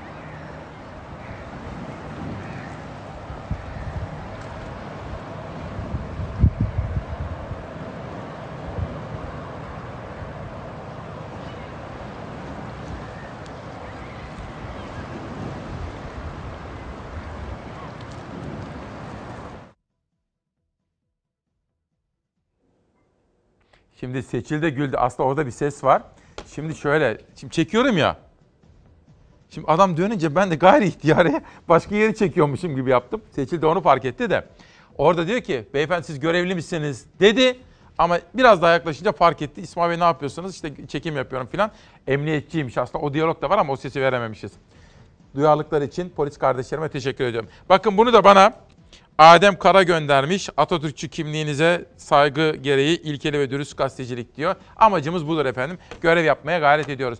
Dünyadaki gelişmeleri de sizlere anlatmak istiyorum. Sonra Almanya'ya gideceğiz. Bir bağlantı yapacağız. Çok önemli bilgiler alacağız. İşte bakın The Guardian gazetesi. Bu arada bizi izleyen Hristiyan kardeşlerimiz, arkadaşlarımız, dostlarımız gerek Türkiye'de gerek eskiden Türkiye'de yaşarken şimdi Paris'te ya da Amerika'da dünyanın farklı noktalarında yaşayanlar Paskalya bayramınızı kutluyorum. Huzur, esenlik ve sağlık diliyorum efendim. Hafta sonunda Paskalya vardı. O nedenle bazı gazeteler çıkmadılar Paskalya tarihi nedeniyle. Ama çıkanlardan şöyle bakalım The Guardian gazetesi özellikle İngiltere'de ölü sayısının 10 bine çıkması, başta Başbakan ve hükümet olmak üzere Sağlık Bakanı dahil olmak üzere eleştiri tahtasına oturtuldular. Ve dün İngiltere Başbakanı kendisine hastayken yoğun bakımda bakanlara, doktor ve hemşirelere tek tek teşekkür etti. Efendim The Guardian'dan böyle bir manşet. Geçelim Financial Times gazetesine. Önce gelişmiş ülkelerin fakir ülkelere vermiş olduğu borçlar vardı geçmişte. Fakir ülkelerin bu borçları ödeyemeyecek durumda olması nedeniyle şimdi çözüm aranıyor. Acaba bu borçlar kapatılacak mı diye bir haber analiz gördük Financial Times gazetesinde. Oradan İspanya'ya geçiyorum. El Mundo gazetesi. İspanya'da meydana gelen gelişmeler birinci sayfada Sanchez işe dönen şirketlere koruma sağlayacak. Hani yeniden işbaşı yapacaklarla ilgili bazı yeni tedbirler alınıyormuş. Sayfanın ortasında gördüğünüz de bir maske operasyonu yasa dışı olarak maske ticareti yapılmasına dair de İspanya'da operasyonlar yapılıyor efendim. İtalya ve İspanya'ya gidiyoruz. Dönüşte çok parlak bir bilim adamıyla Almanya'ya konuşacağız. İtalya'da 24 saatte 431 kişi virüs nedeniyle yaşamını yitirdi. Kayıtlara son haftalardaki en düşük can kaybı olarak geçti. İspanya'da ise ölümler yeniden hız kazandı. Salgına karşı askerler sokakları drone ile dezenfekte etti. İtalya'da can kayıplarındaki artış hızında düşme yaşandı. 102 binden fazla aktif vaka tespit edilen ülkede bugüne kadar 20 bine yakın kişi hayatını kaybetti. İyileşen hasta sayısı ise 34.211 olarak açıklandı. İki aya yakın karantinada olan İtalya'da tedbirler henüz gevşetilmiyor. Başbakan Giuseppe Conte sıkı karantina uygulamalarının 3 Mayıs'a uzatıldığını duyurdu. Conte süre dolduktan sonra karantinayı kademeli olarak kaldıracaklarını açıkladı. Çabalarımızın olumlu sonuçlarını henüz görmeye başladık diyen Başbakan tedbirleri gevşetmek için erken olduğunu vurguladı.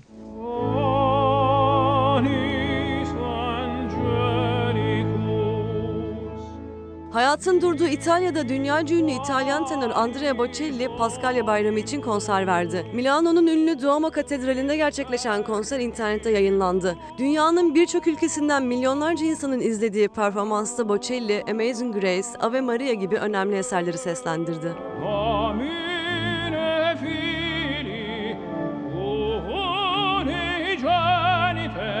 İspanya'da ise virüse bağlı ölümlerde yine artış görüldü. Toplam can kaybı 17 bini geçti. 87 binden fazla aktif vaka bulunan ülkede 10 bini aşkın sağlık çalışanında virüs tespit edildi.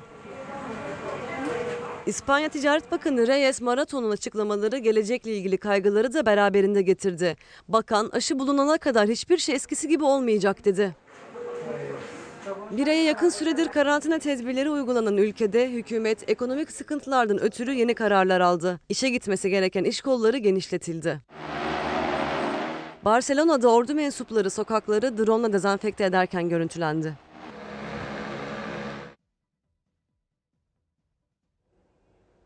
Evet şimdi Almanya'ya gidelim. Şimdi biz burada demokrasi meydanında her zaman sizi çok özel insanlarla buluşturmaya gayret ediyoruz. Sorunun bütün bölümünü, detaylarını bilimsel bakış açısıyla irdeleyen, sizi korkutmayan ama meselenin ciddiyetini size anlatan ama sizi umutlandıran. Geçen Halim Mete aradı da İsmail dedi çok deneyimli bir iş insanıdır Odalar Birliği bünyesinde. Hanım ve ben dedi seni izliyoruz dedi. Çünkü dedi korkutmuyorsun. Ama dedi umut da veriyorsun meselenin ciddi bölümü. İşte bu dedim bizim amacımız, yapmaya çalıştığımız bu. Almanya'da çok parlak bir bilim insanı Çağhal Kızıl. Günaydın hocam. Merhabalar, günaydın. Nasılsınız bu sabah, iyi misiniz? Teşekkür ederim, sağ olun, iyiyim. Davetiniz için çok teşekkür ederim. Estağfurullah. Hocam şimdi siz genetik bilimiyle uğraşan bir bilim insanısınız. Sizin sosyal medyadaki yaptığınız yayınları takip ediyorum. ODTÜ kökenlisiniz. ODTÜ'de genetik okumuş birisisiniz. Şimdi size birkaç soru sormak istiyorum. Bir, bize Almanya'yı bir anlatır mısın? Çünkü benim bütün konuklarım Almanya'nın iyi bir model olduğunu, bir başarı örneği olarak dünyaya sunulabileceğini söylüyor. Almanya kısaca ne yaptı da nasıl yaptı, başardı? Evet, e, Almanya bir başarı örneği e, gerçekten.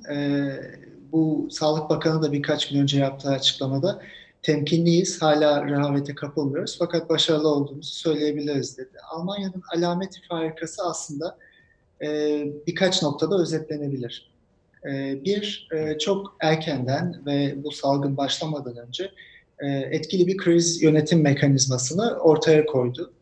E, bunun çeşitli ayakları oldu. Örneğin e, belli yasaların geçirilmesi ve bu yasalarla e, bilimin öncelenmesi. E, örneğin Robert Koch Enstitüsü Almanya'da biyoloji alanında e, en yüksek mercilerden bir tanesi. Yetkileri arttırıldı ve söz söyleme e, hakkı arttırıldı ve bilim insanlarından oluşan bir e, kurul e, Almanya'nın aslında bu pandemideki politikasını belirledi. Şimdi kriz yönetimi de şöyle oluşturuldu. Nasıl? Çok erken aşamadan beri, Ocak ayı içinden Evet. e, biz e, yukarıdan aşağıya kurumlarda, benim bağlı olduğum tıp fakültesi ve üniversite kurumlarından bilgiler bize ulaşmaya başladı. E, bir e, salgın olabilir, bu salgın şu şekilde gelişebilir ve e, bizim erken aşamada yapmamız gereken bunlardır. İşte insanları bilinçlendirmek, hijyene dikkat etmek, sosyal mesafenin neden önemli olduğunu anlatmak, bu hastalığın mekanizmalarını anlatmak. Erken aşamalar bunlar. Ayrıca bir e, plan yapıldı. Eğer çalışılan yerlerde, akademide ya da herhangi başka Evet. bir yerde bir vaka ortaya çıkarsa ne yapılması gerektiği ve nasıl davranılması gerektiği Heh. üzerine biz zaten bunu biliyorduk. Dur. Daha önceden. Hocam şimdi burada aslında sizin paylaşımlarınızdan öğrendiğim bir şey var. Hani acil eylem planı diyorsunuz aslında. Erken hareket, erken uyarı sistemi. Fakat test, tanı ve izolasyon. Almanya bunu başarmış. Nasıl başardı? Tabii işte bu zaten kriz yönetiminin e, parçalarından bir tanesi de buydu. Almanya'nın e, ilk aşamadan beri yaptığı ve bizim de e, aslında e, bilgilendirdiğimiz şuydu. Eğer e, bir insan pozitif çıkıyorsa bir çok fazla test yapmaya başladılar. Olabildiğince fazla. Burada şunu belirtmek gerekiyor. Evet. Hiçbir ülkenin böyle bir salgına anında çok yüksek e, kapasiteyle e, müdahale etmesi mümkün değildi. Bu nedenle üniversiteler, moleküler biyologlar, biyologlar e, herkese iletişim içindeydi e, bakanlık ve burada yerel yönetimler. Test kapasitelerini nasıl arttırabiliriz diye ortaya kondu. Türkiye'de de şu anda test kapasitesi artıyor. Fakat e, biyologların yeni yeni dahil olmasıyla artıyor. Dolayısıyla bu mekanizma çok erkenden işletilmişti Almanya'da. E, birisi pozitif çıkıyorsa, örneğin ben pozitif çıkıyorum. E, hemen Evet. tabii karantinaya alınıyorum. E, hastalığımın seyrine göre ya hastanede ya evimde karantinada bulunuyorum. E, müşahede altında tutuluyorum. Ama bunun da bir ötesinde isimler veriyorum. Yani son birkaç günde e, oturup çay içtiğim, beraber çalıştığım, e, kapalı ortamlarda e, 10-15 dakikadan fazla beraber olduğum insanların isimleri hemen olabildiğince hızlı o insanlara ulaşılıyor. Ve o insanlar da test ediliyor.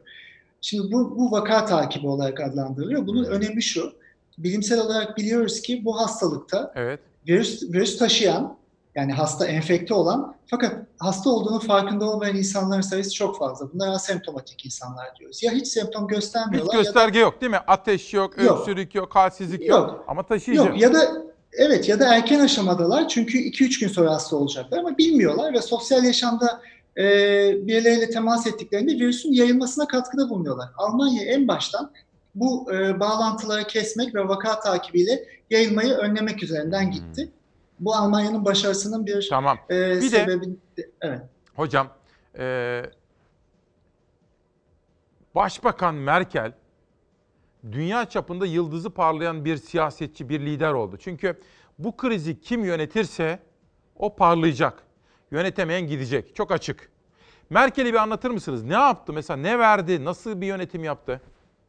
Haklısınız. Şimdi bu e, süreçte e, bu süreci yönetebilenler, iyi yöneten liderler ve iyi yönetemeyen liderler ortaya çıkacak. E, Merkel iyi yönetenlerden bir tanesi haline geldi. Yaptığı ilk yaptığı şey şuydu. Çok gerçekçi bir e, projeksiyon sundu. Yani Evet. dedi ki ilk neredeyse ilk başlardan beri e, bu zor olacak. Yani kolay olmayacak. E, iyi bir sistemimiz var ama e, biz de bilmiyoruz. Bilmediğimiz bir hastalık hastalığı toplumun %60-70'i kapabilir bir sene içinde. Buna hazırlıklı olalım.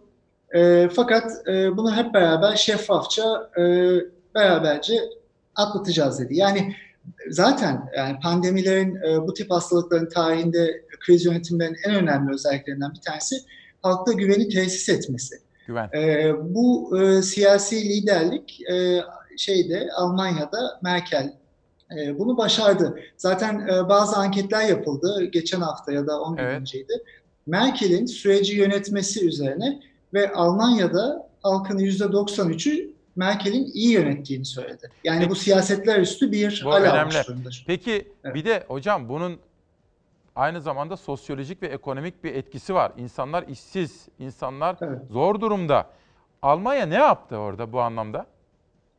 Şimdi Almanya'da tabii e, bir büyük bir ekonomik paket de açıklandı. E, bu e, 750 milyar euro civarında bir paket açıklandı kademeli olarak.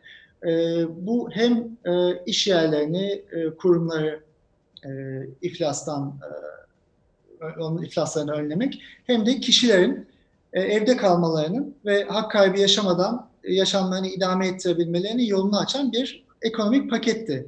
Burada şu çok önemli, bunun Evet. altını çizelim ve sonra e, anlatalım. Evde kalmak neden önemli? Yani insanların sosyal yaşamı minimize etmek, sosyal yaşamı neredeyse sıfıra indirmek Evet. neden önemli? Demin bahsettiğimiz gibi hasta olan bir insan zaten tedirginliğiyle acile gidiyor e, bir şekilde test oluyor, pozitif olduğu çık, ortaya çıkıyor, karantinaya alınıyor gibi. Fakat e, hasta olduğunu bilmeyen, enfekte olan insanlar e, normal yaşamlarına devam ederlerse, çalışma yaşamına, toplu taşımaya binmeye e, yayıyorlar enfeksiyonu. Ortak alanlarda buluştuklarında yayıyorlar. Dolayısıyla şöyle bir önlem de alındı. Yani insanlar ilk aşamadan, örneğin bizim enstitümüzde, üniversitede ilk vaka çıktıktan sonra kapatıldı üniversite ve dendi ki e, evden çalışılacak, e, hepinizin maaşı ödenecek, herhangi bir sıkıntı yaşanmayacak. Şimdi Almanya'nın ekonomik paketi buna yönelikti. Yani insanların evde kalabilmelerine yönelik. Ne yaptı mesela? Ee, Evde kalabilmek için ne verdi insanlara?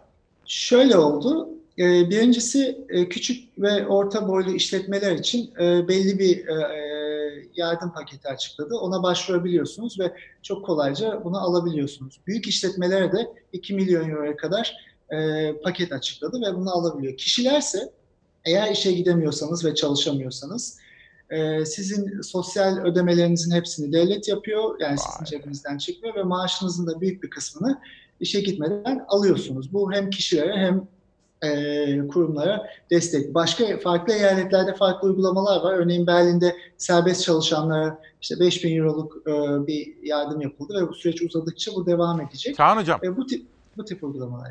Şimdi Evet. anladım. Benim bir tanıdığım var Meral hocamız. Onun kızı Paris'te yaşıyor. O da şimdi çalışamadığı için günde 75 euro alıyor. Bir tanıdığım var Stefani Kanada'ya gitti. Türkiye'deydi de Kanada'da. Ona sordum önceki gün. Dedi ki çok basit. Doğum tarihine göre bir başvuru sırası veriyorlar. Telefon hatları var. Şu tarihte doğanlar başvuracaklar. Telefonla aradım dedi. Ve sormuşlar. Koronavirüs nedeniyle evde misiniz? Geliriniz mi azaldı? Evet. Buna yemin eder misiniz? Evet, telefon hattında. Peki, o zaman 3 gün içerisinde size 2000 dolar yatacak. Bu kadar basit dedi. Yani numaranıza göre, hani kim- kimlik numaramız var ya hepimizin ID numarası. Buna Evet. göre. Ya bu kadar basit aslında yapılması gerekenler. Sorum şu. Almanya'da, Almanya'da da bu şekilde. Basit. Evet. Yani bir online olarak bir form dolduruyorsunuz ve o kadar basit. Evet. Hocam şunu çok merak ediyorum. Siz genetikçisiniz ya. Ya bu bu virüs ne menen bir şey? Bir bir canavar mı bu? Nedir bu? Genetik E, olarak bir ce- olarak. Bir canavar değil aslında. Yani virüsler insanlardan önce bu dünya üzerinde yaşayan e, organizmalar ve çok uzun süredir fa- çok farklı virüs tiplerinin olduğunu biliyoruz. Koronavirüs bu şu anda bu hastalığı yaratan COVID-19'u dediğimiz hastalığı yaratan virüs bir koronavirüs. E, 30'a yakın koronavirüs çeşidini biz doğada zaten biliyoruz. İnsanları enfekte eden bildiğimiz 7. koronavirüs bu. Daha önce e, yine haberlerden bile, Evet. bilebiliriz. 2003'teki SARS salgını, 2012'deki MERS salgını. Bunları yaratan da koronavirüslerdi. Şu anda o iki hastalık görülmüyor. E, o ortadan kaldırıldı. Fakat bu yedinci. Dört tane daha var önceden bildiğimiz. Bu aslında e, soğuk algınlığı, nezle gibi se- sezonsal, mevsimsel yaşadığımız şeyleri de yaratan virüslerden bir tanesi. Aslında bizde Ha. yani insanlarda koronavirüsler devam ediyor. Bunların isimleri var. 229E, NL63, HKU1 gibi. Bunları bilmiyoruz. Yani no- bu kadar ön plana Peki, çıkmadı. Ne kadar Ama bu sürer? virüsler var. Bu salgın mesela ne kadar sürer? Böyle bir virüs, genetik bilimi e, ne diyor bize mesela bu konuda ya da salgınla ilgili bilgilerimiz ne diyor? Ne kadar sürebilir? Şimdi şöyle şunu kabul etmemiz lazım. Dünya Sağlık Örgütü'nün de söylediği gibi artık e, insanlık bu virüsle beraber yaşayacak. Örneğin grip düşünün. Grip influenza başka bir virüs. E, grip virüsü sürekli ortalıkta geziyor. Yani grip oluyoruz, olmuyoruz, bir dahaki sene tekrar yükseliyor. Artık insanlarla beraber konak diyoruz biz buna. Bu tip organizmalar, canlılar konaklarında yaşarlar. İnsan artık bu virüs için bir konak oldu. Ne kadar süreceği e, hem bilimsel çalışmalara hem ilaç çalışmalarına, aşı çalışmalarına bağlı hem de bu ilk yaşadığımız salgının ne kadar e, süreceği ve nasıl önlenebileceği alınan tedbirlere bağlı. Yani insanların e, sosyal yaşamda birbirleriyle etkileşimlerinin olmaması, genel karantina önlemleri ve alınacak doğru tedbirler e, bu süreci belirleyecek. Peki. E, ama biz e, Dünya Sağlık Örgütü'nün sözünü e, burada tekrarlarsak artık e, insanlık bununla yaşayacak. Hocam bir de şunu merak ediyorum. Şimdi siz az evvel ifade ettim. Ben izleyenlerimize de sizi tanıtmaya gayret ediyorum ki akıllarında hangi soru işareti varsa. Siz ODTÜ'de genetik okudunuz. Uzun yıllardır 15-16 yıldır Almanya'dasınız. Babanız sizin bir madenciydi Zonguldak ve babamızı geçen sene kaybettik. Onu kısacık bir anlatır mısınız? Annenizi soracağım da annenize ne tavsiye ediyorsunuz diye. Bir babanızla ilgili de babanız neden kaybettiniz anlatır mısınız? Ee, şimdi teşekkür ederim bu soru için. Bu tabii bu süreç biraz kişisel de bir süreç benim için. Ee, bir şimdi maden işçisiydi ve Zonguldaklı. Ee, şu anda Zonguldak'ta bu örneği de verelim. 30 büyük il ve Zonguldak olarak tabir geçiyor. Neden Zonguldak sorusunun aslında biraz Evet, da yanıtı neden? bu. Çünkü Zonguldak bir maden şehri, birçok madenci vardı ve çevre kirliliği, termik santraller e, insanların kronik hastalıklarının artmasına sebep oldu. Zonguldak'ta kronik hastalıklar, özellikle üst solunum yollarında koa gibi hastalıklar çok yüksek seviyede e, görülüyor. E, bu tip enfeksiyon hastalıkları da kronik başka bir hastalık varsa ölüm oranını çok arttırıyor. E, geçen sene de ben babamı e, koası vardı ve sonra bir enfeksiyon hastalığından kaybettik. Başınız Ee. Şu anda da çok teşekkür ederim. Şu anda da e, Zonguldak'ta yaşanan ölüm sayılarının artması, nüfusa oranlandığında ve vaka sayılarının artması tam da e, buna bağlı. E, bu yüzden oluyor. Peki. Yani Zonguldak'ın ve komorbidite dediğimiz başka bir kronik hastalık varsa bu virüs daha öldürücü oluyor. İşte zaten e, Zonguldak'ta ve tüm Türkiye'de aslında kronik hastalıklarda yaşanacak olan maalesef dünyada. e, bu. Annenize, anneniz İzmit'te yaşıyor Kocaeli'de. Ona ne diyorsunuz? Nasıl tavsiyelerde bulunuyorsunuz? Ee, bu salgın başlamadan önce ve Evet. Türkiye'de de e, yayılmadan daha önce en başta biz tüm aile bireylerini e, topladık e, ve e, eş, dost, akraba hepsine bir briefing verdik. Yani evden çıkmamanız gerekiyor. Evden çıkmamak önemli. Bu hastalık nasıl yayılıyor? E, hangi e, hijyen koşullarını almak gerekiyor? E, bir yere gittiğinizde maske kullanımı nasıl olur? Ee, Anneme de şunu söyledim, yani dışarı çıkmamak gerekiyor. ki. Bu kendini karantina altına almak meselesi. Bunu yaptırdık. Ee, oradan sonra da işte hastalığın e, detaylarıyla ilgili bilgiler verdik. Ee, ilk aşamada evden çıkmamak. Çünkü insanlar e, tabii ki e, gör, görünmeyen bir düşman bu. Yani etrafta görmüyorsunuz ki size gelmeden önce ve sayılar yükselmeden önce. O, o, o tahayyül çok kolay değil. Enfeksiyon hastalarının nasıl bu kadar hızlı yayılacağı e, bunun gerçek olduğunu ve ciddiyetini aslında anlattık. Peki. E, bu şekilde Bir de- e, ilerledik. Çağhan Hocam, şimdi Almanya'da genetik bilimiyle uğraşan bir bilim insanı ve Almanya'daki o başarılı modeli görmüş bir insansınız ve Türkiye. Oradan bize ne tavsiye edersiniz? E, yani tavsiye gerçekten şu, e, bu hastalık e, bürokratik refleksleri, o ataletin çok daha ötesinde hızlı ilerleyen bir hastalık. Yani alınmayan her önlem, aşamasına ve hastalığın safhasına uygun alınmayan her önlem bu hastalığı arttıracak. Erken aşamalı önlemleri vardır. Ee, insanları bilinçlendirmek, e, etrafta hijyeni anlatmak gibi. Fakat artık tüm dünyada çok hızlı yükselen bir trendi var bu hastalığın. Türkiye'de maalesef böyle. Türkiye'de sosyal yaşamın minimuma inmesi gerekiyor. Ee, genel karantina önlemlerinin alınması gerekiyor. Şunu söyleyelim. Bakın İtalya 5 haftadan fazla oldu genel karantinaya aldı. Hala kontrol altına alamadı. Çin 23 Ocak'ta genel karantinaya geçti. Ancak 5 hafta sonra e, yükselmeyi durdurabildi. Türkiye'de e, 65 yaş üstü ve 20 yaş altını topladığımızda nüfusun üçte biri civarı ediyor. Onun dışında üçte ikisi e, dışarıda sosyal yaşamda olma e, ihtimali oluyor ve Cuma günü örneğin yaşadığımız insanların bir araya gelmesi. Maalesef. Bunların hepsi enfeksiyonu arttıran. Şunu hep düşünelim. Dışarıda e, hasta olduğunu bilmeyen, virüs taşıyan ama bunu yayan insanlar var. Bu onların da suçu değil.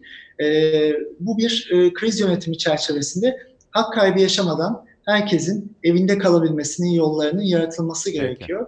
E, bu çok önemli. Bu ancak bu e, bu krizi durdurabilir. Bir de son bir şey daha söyleyeyim. Tabii, Gerçekten e, biyologlar ve moleküler biyologlar bu süreci e, bilim insanları, temel bilim yapanlar e, bu süreci gerçekten e, çok yakından izliyorlar ve şu anda 50 bine yakın gönüllü biyolog testleri yapıyor. Bu testlerin artmasının Türkiye'de sebeplerinden bir tanesi bu insanların özverili çalışması.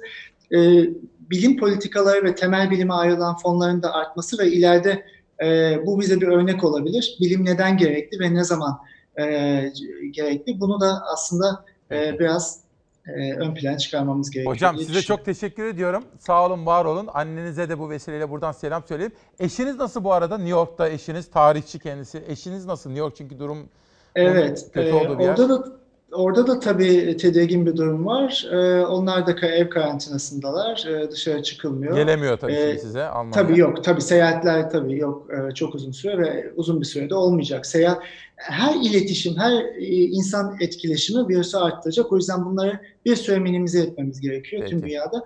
Bir de bitirmeden önce ben Lütfen. e, yaşamını kaybedenlerin e, ailelerine ve sevdiklerine başsağlığı diliyorum. E, umutsuz olmayalım, panik olmayalım. Bu e, insanlığı bitirecek bir e, süreç değil. Bu ilk defa olan bir şey de değil. Pandemikler oluyor Aşacağız. fakat aşacağız tabii ki ama temkinli olmamız lazım. Gerçekten önlemler almamız ve bilime de güvenmemiz lazım. E, bu şekilde Çok teşekkür ediyorum. seviniriz. İyi ki varsınız Ben hocam. Sağ olun, var olun. Siz de Görüşmek öyle. üzere. Çok Sağ olun. teşekkürler. Evet şimdi yerel gazeteler gelsin. Peşine de yönetmenim Şehnaz'dan rica edeceğim. Şehnaz eğer Süleyman Soylu dosyası hazırsa beni uyarın. Hazır mı? Güzel. Şimdi Yeni Doğan gazetesiyle başlıyorum. Virüs değil sosyal mesafe mi? Virüs değil cehalet öldürecek. Kayseri gazetesi bir duyarlılık manşeti atmış. Daha doğrusu duyarsızlığın fotoğrafı.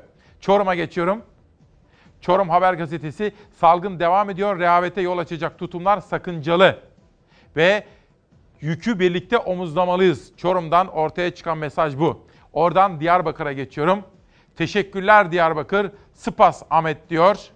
Gazetenin sür manşetinde evde kal Diyarbakır çağrıları devam ederken manşette teşekkürler Diyarbakır, sokağa çıkma yasağıyla ilgili alınan tedbirler ve ortaya çıkan manzara. Bir de tabii gazeteye bakarsanız logonun yanında Fatih Portakal kardeşim ve İsmail Küçükkaya orada. Haber Global'in anketinde Fox TV birinci çıktı. Doğan Şentürk yönetimindeki Fox Haber halkımızın güvenine mazhar oldu. Bizler de bu güvene layık olmaya çalışıyoruz efendim. Teşekkür ediyoruz. Güveniniz bizim en büyük gücümüzdür. İzmir 9 Eylül gazetesi sessiz İzmir manşetiyle çıkmış bu sabah. O güzelim İzmir'de hem de Nisan ayının ortasında meydana gelen gelişme. Ama sokakta değil evde kalalım diyorum. Adana'ya geçiyorum. Adana gazetesi CHP'li Şevkin tutuklu sayısı 500 bine çıkar diyor. Şevkin AKP ve MHP'nin yeni getirdiği infaz düzenlemesinin değerlendirmesini yapmış. Getirilecek uygulamanın en net sonuçlarından biri basit suçlardan kısa süreli hapis cezası alanlarında artık cezaevine girmesi olacaktır diyor. Nitekim CHP lideri Kılıçdaroğlu'nun kurmayı Erdoğan Toprak da sosyal medya düzenlemesinin Türkiye'deki medyaya ağır bir darbe vuracağını, sosyal medya özgürlük ortamının da daraltılacağını söylüyor, hükümeti eleştiriyor. Geçelim Çağdaş Gazetesi. Vakalarda artış var, siteleri kapatabiliriz. Koronavirüsü ile ilgili son süreci değerlendiren Vali Şah- Şahin'in açıklamaları Çağdaş'ta. Sür manşete çıktığım zaman Batmanlı uluslararası sanatçı Ahmet Güneştekin ve Yava- Yavu- yazar Yavuz Ekinci salgın sonrası yeni projeleri planlıyor.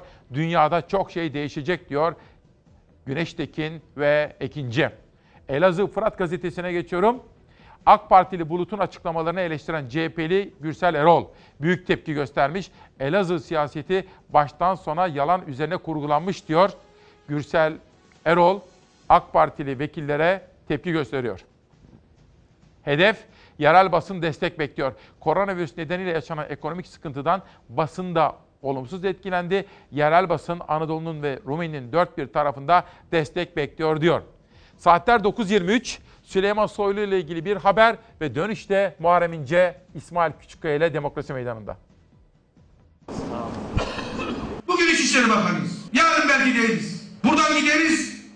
Belki bir daha gelişimiz olmaz. Geri çekilmek de bir erdemdir. Göreve geldiği günden bu yana terörle mücadelede en kritik isimlerden biri oldu Süleyman Soylu. Terör örgütlerine yurt içinde darbe üstüne darbe indirildi bakanlığında. Muhalefetle girdiği polemiklerle de adından çokça söz ettirdi. Eleştiri oklarının hedefi oldu. Koronavirüsle mücadelede aldığı sokağa çıkma yasağı kararının uygulamasında yaşanan görüntüler nedeniyle istifa kararı aldı. İstifası Cumhurbaşkanı Erdoğan'dan döndü. Sayın Cumhurbaşkanımızın da talimatıyla birlikte hafta sonu itibariyle 30 artı e, Büyükşehir artı Zonguldak'ta bir sokağa çıkma yasağı e, ilan edildi. Süleyman Soylu 529 Süleyman Soylu siyasete merkez sağ çizgide 1987 yılında Doğru Yol Partisi'nde başladı. 2008'den 2009 yılına kadar da Demokrat Parti Genel Başkanlığı yaptı. O dönem AK Parti iktidarını sert sözlerle eleştirdi. 2012'de ise AK Parti'ye geçti. 3 yıl boyunca AK Parti Genel Başkan Yardımcısı oldu.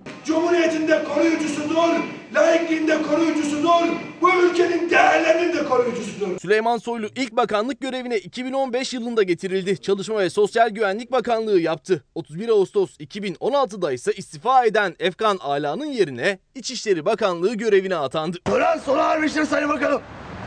AK Parti ve kabine içinde önemli bir yere sahip oldu Süleyman Soylu. Terörle mücadelede attığı adımlarla adından sıkça söz ettirdi. Teröristlerle mücadelede taviz verilmeyeceğini vurguladı her fırsatta. Aslanlarımız orada, o dağlarda onları kovalıyor, onlar da sıçan gibi kaçıyor, sıçan gibi. Süleyman Soylu'nun istifası aslında ilk kez gündeme gelmedi. Şubat 2018'de Trabzon'da kurduğu cümleler istifa edecek mi sorularını sordurdu. Bugün İçişleri Bakanıyız. Yarın belki değiliz. Buradan gideriz. Belki bir daha gelişimiz olmaz. Geri çekilmek de bir erdemdir. istifası asla söz konusu değil. Cumhurbaşkanı Erdoğan Soylu'nun açıklamalarını duygusallığına bağladı. İstifanın söz konusu olmadığını söyledi. İçişleri Bakanımızın konuşmasında duygusallık şahsıyla alakalı olabilir. Muhalefetle girdiği polemiklerle de adından sıkça söz ettirdi Süleyman Soylu. CHP'lileri şehit cenazelerinde protokole almayın talimatı çok tartışıldı. Valilere müsteşarımız üzerinden böyle bir talimat gönderdim. CHP il başkanlarını bundan sonra şehit cenazelerinde protokole kabul etmeyin dedim. En az PKK'nın yaptığı kadar bu toplumu bölen, bölücü bir açıklamadır. Bölücü bir İçişleri Bakanı vardı. Derhal istifa etmeli. Yine 2018 yılının Ağustos ayında Anıtkabir'de kameralara yansıyan bu görüntüyle gündeme oturdu Süleyman Soylu. Berat Albayrak'la aralarında gerginlik mi var sorusu soruldu. Ertesi günse iki bakan aralarında bir sorun olmadığını böyle gösterdi. 4 yıldır görevde olan İçişleri Bakanı Süleyman Soylu koronavirüsle mücadele için alınan sokağa çıkma yasağı kararının ardından marketlerde, fırınlarda kaydedilen görüntüler sonrası istifa kararı aldı. Ancak Cumhurbaşkanı Erdoğan istifayı kabul etmedi. Süleyman Soylu'nun İçişleri Bakanlığı görevine devam edeceği açıklandı. İstifası asla söz konusu değil. Şimdi tabii Cemil Bey diyor ki siz inandınız mı gerçekten bir tiyatro oynandı diyor. İnandıysanız safsınız diyor Cemil. SN alt çizgi Cemil Rumuzlu arkadaşım. Nuri diyor ki çok sevinmiştiniz, hevesiniz kursağınızda kalmıştı. Sabah da böyle bir mesaj geldi. Güzel arkadaşım.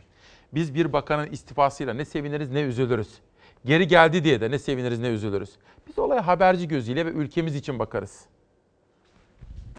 Cemil Nuri. Ha ama şunu söyleyeyim. Ben Soylu'yu birkaç kere buraya davet ettim. Gelsin buyursun gelsin konuşalım demokrasi meydanında. Karar nasıl alındı, ne oldu, neden dönüldü, neden istifa edildi? Demokrasi meydanı burası. Değil mi? Şimdi Muharrem İnce, Türk siyasetinin yaptığı açıklamalarıyla her zaman gündem olan bir ismidir. Muharrem İnce acaba neler yapıyor merak ettim, aradım kendisini. Sayın İnce günaydın. Günaydın. Nasılsınız, iyi misiniz? Teşekkür ederim. Siz nasılsınız? İyiyiz ama siz niye kapalı mekandasınız ya? Siz bahçede değil misiniz? Ee, sesler burada daha düzgün çıkar. Ben şu anda Yalova'dayım, Evet. evimdeyim. Evimin içinden sesleniyorum size. Şimdi bir şey soracağım. Tabii evde kapanmak zor ama ben şunu biliyorum ki siz şimdi Yalova'da eşiniz, çocuklar, kızınız, gelininiz, biz gelinlere kızınız diyoruz. İşte torunlar. Bir anlatır mısınız? Kara- karantina günleri nasıl geçiyor orada? Evet tabii e, apartman dairesinde yaşayıp yiyecek ekmeği olmayan insanlara göre lüks koşullar sayılır bizimkileri. Yiyeceğimiz var, e, ailemiz bir arada. E, burada birlikte yaşıyoruz şimdi. E, oğlum çalışıyor e, internet üzerinden. Alışkanlıklarımızın bazılarını değiştirdik, bazılarını devam ettiriyoruz. Örneğin sabah 7-7.30 gibi kalkıyorduk. Yine aynı kalkıyoruz. Bunu Güzel. hiç değiştirmedik. Güzel. Ama e, ekmek almıyoruz. Ekmeği kendimiz yapıyoruz. Eşim yapıyor ekmeği. E, eski usule döndük. E, annemden ekşi maya aldık, un aldık. E, eşim evde ekmek yapıyor. Örneğin bugün e, milletin karşısına çıkacağım diye kravat taksam evde kravat takılmaz. Ama şık beyaz olmuşsunuz. gömlek- Beyaz gömlek, kravatsız şık olmuş. E, bugün e, beyaz gömlek giydim ama normalde giymiyorum. E, daha az ütü gerektiren ya da hiç ütü gerektirmeyen şeyler Rahat, giyiyoruz. rahat istiyorsanız.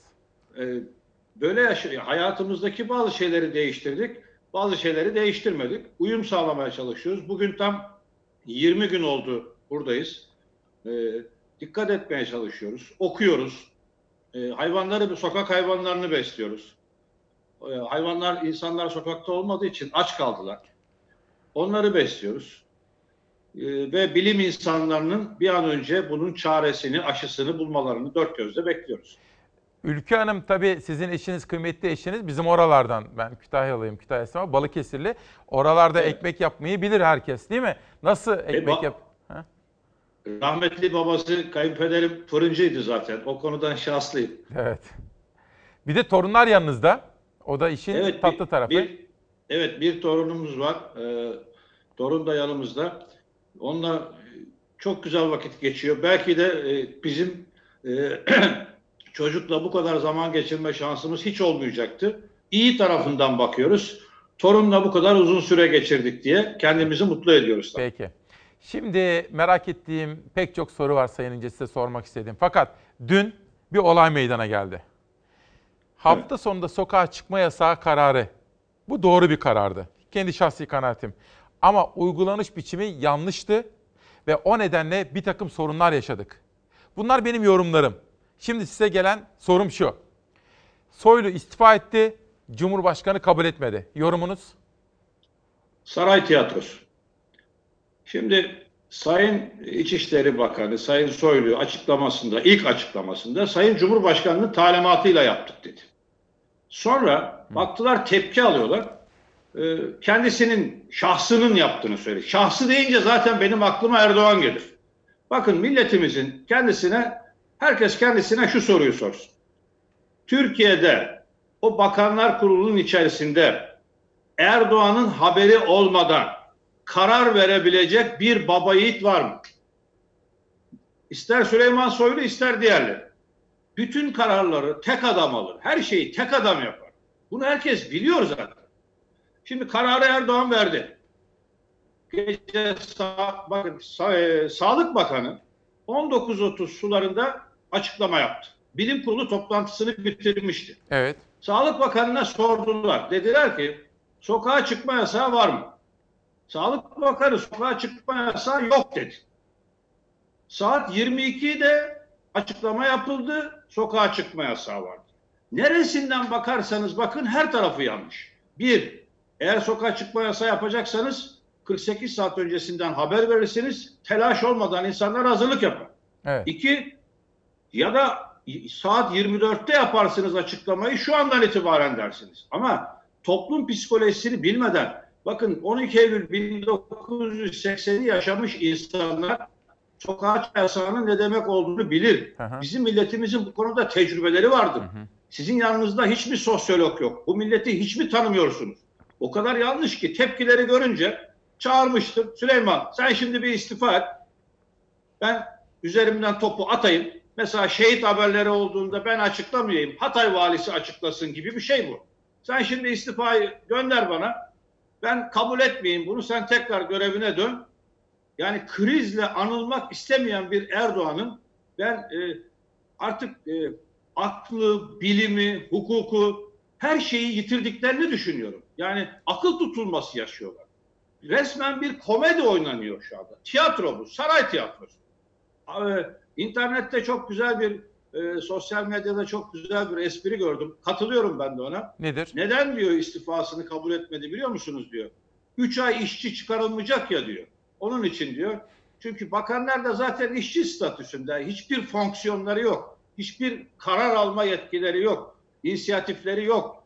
Bunları kullanamadıkları için Türkiye'de tek adam rejiminin geldiği son nokta bu sokağa çıkmadır.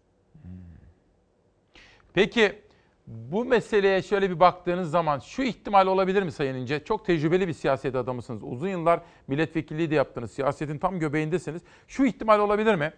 Soylu bu kararı kendi aldı. Sokağa çıkma yasağını. Sonra Erdoğan'dan onay aldı. Fakat uygularken hata yaptı. Ortaya çıkan manzaradan sonra Erdoğan ona kızdı. Ama istifa falan istemedi de kızdı. Soylu istifasını verdi.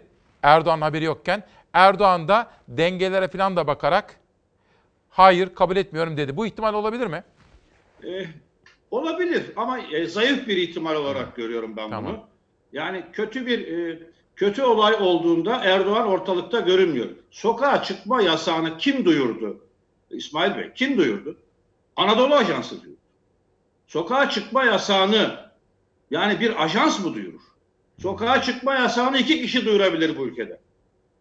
Sayın Cumhurbaşkanı duyurur, Sayın İçişleri Bakanı duyurur. Hatta İçişleri Bakanı da değil. Bunu Cumhurbaşkanı'nın duyurmalıdır. Lider odur, yöneten odur. Çıkmalıdır televizyonlara. Demelidir ki 48 saat sonra sokağa çıkma yasağı uygulayacağız. Hazırlıklarınızı yapın demelidir. Yani ajans Peki. aracılığıyla sokağa çıkma yasağı duyurulmaz ki. Sayın İnce peki bu koronavirüs salgını başladığı günden itibaren mesela bir maske meselesi var, test meselesi var, tedavi meselesi var.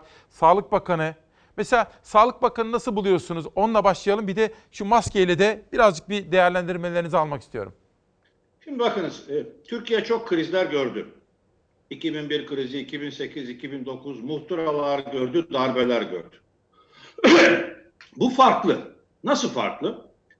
Bir, öngöremiyoruz. Yani şimdi bir sağlık krizi var ortada. Evet. İki ayda mı bitecek, 18 ayda mı bitecek? Farklı görüşler var. Bu sağlık krizinin arkasında bir ekonomik kriz gelecek. Onun arkasından siyasi krizler gelecek.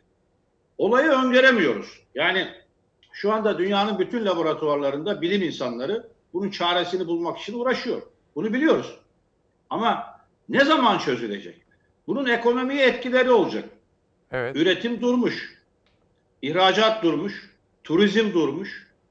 Ve ekonomik kriz gelecek. Şimdi bizim bunları öngörüyor olmamız lazım. Mesela ilk kez bu krizde hamaset işe yaramıyor. Dış güçler diyemiyor. Üst akıl diyemiyor. CHP zihniyeti diyemiyor. Ama hamaset de kullanamıyor burada. Şimdi Rusya ile Arap dünyası arasında petrol problemi var mı şu anda? Var. Yok. Yok. Şu anda yok. Petrole ihtiyaç yok çünkü. Ama dünyada bir kriz var. 20 dolarlara geldi. İşte dün bile bir görüşme yaptılar ya. İşte Çin'le e, Rusya görüşüyor, Amerika ile Suudi Arabistan görüşüyor, OPEC krizler toplantısı yapıyor. Çünkü aslında Ama bu da taşınabilir asıl- değil.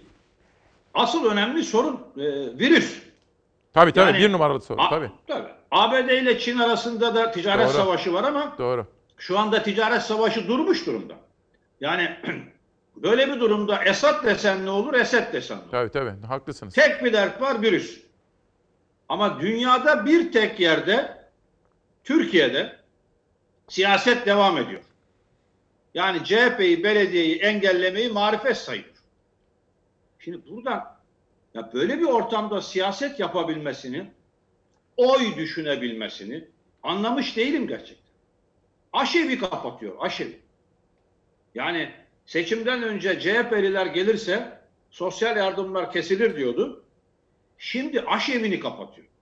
Odun pazarında, e, Eskişehir Büyükşehir'de, Muratpaşa'da aşevlerini hı kapat. hı. Olacak iş değil. Yani anlayabilmiş değilim.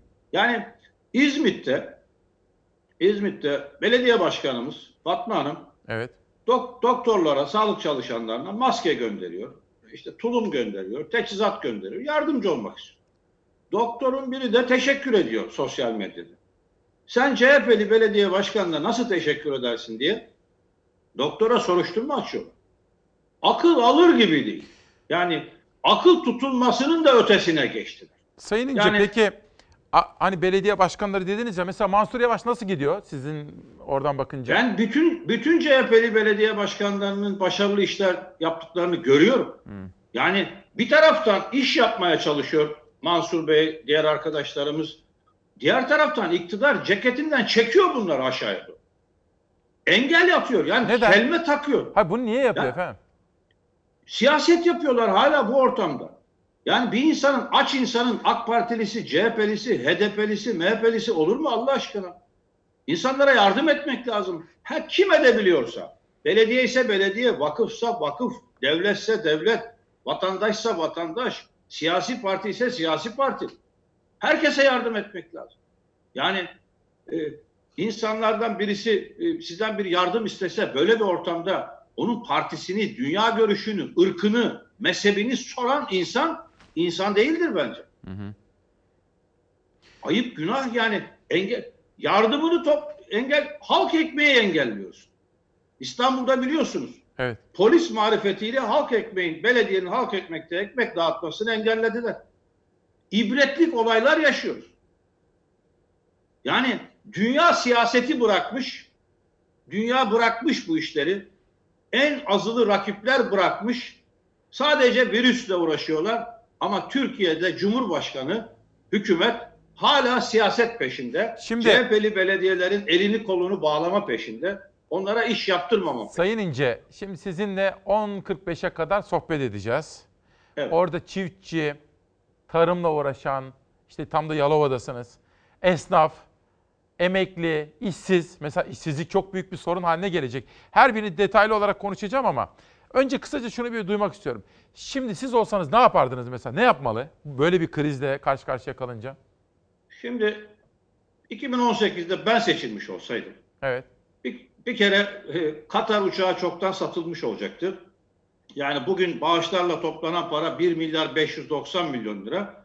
Uçağın yarı parası yapıyor zaten. Ahlat'ta saray olmamış olacaktı. Ma- Marmaris'te yazlık saray olmamış olacaktı. Mesela bu kriz ortamında, bu kriz ortamında bile 14 uçak şey 14 araç kiralama işine girdi Cumhurbaşkanı. Güney Su yolu ihalesi, Kanal İstanbul ihalesi böyle bir ortamda bu ihaleler olmaz.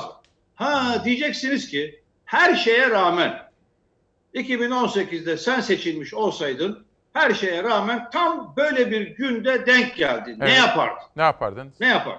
Bakın bir kere para bulunur. Devletler millet için vardır. Asıl olan millettir. De, böyle günlerde devlete ihtiyaç vardır.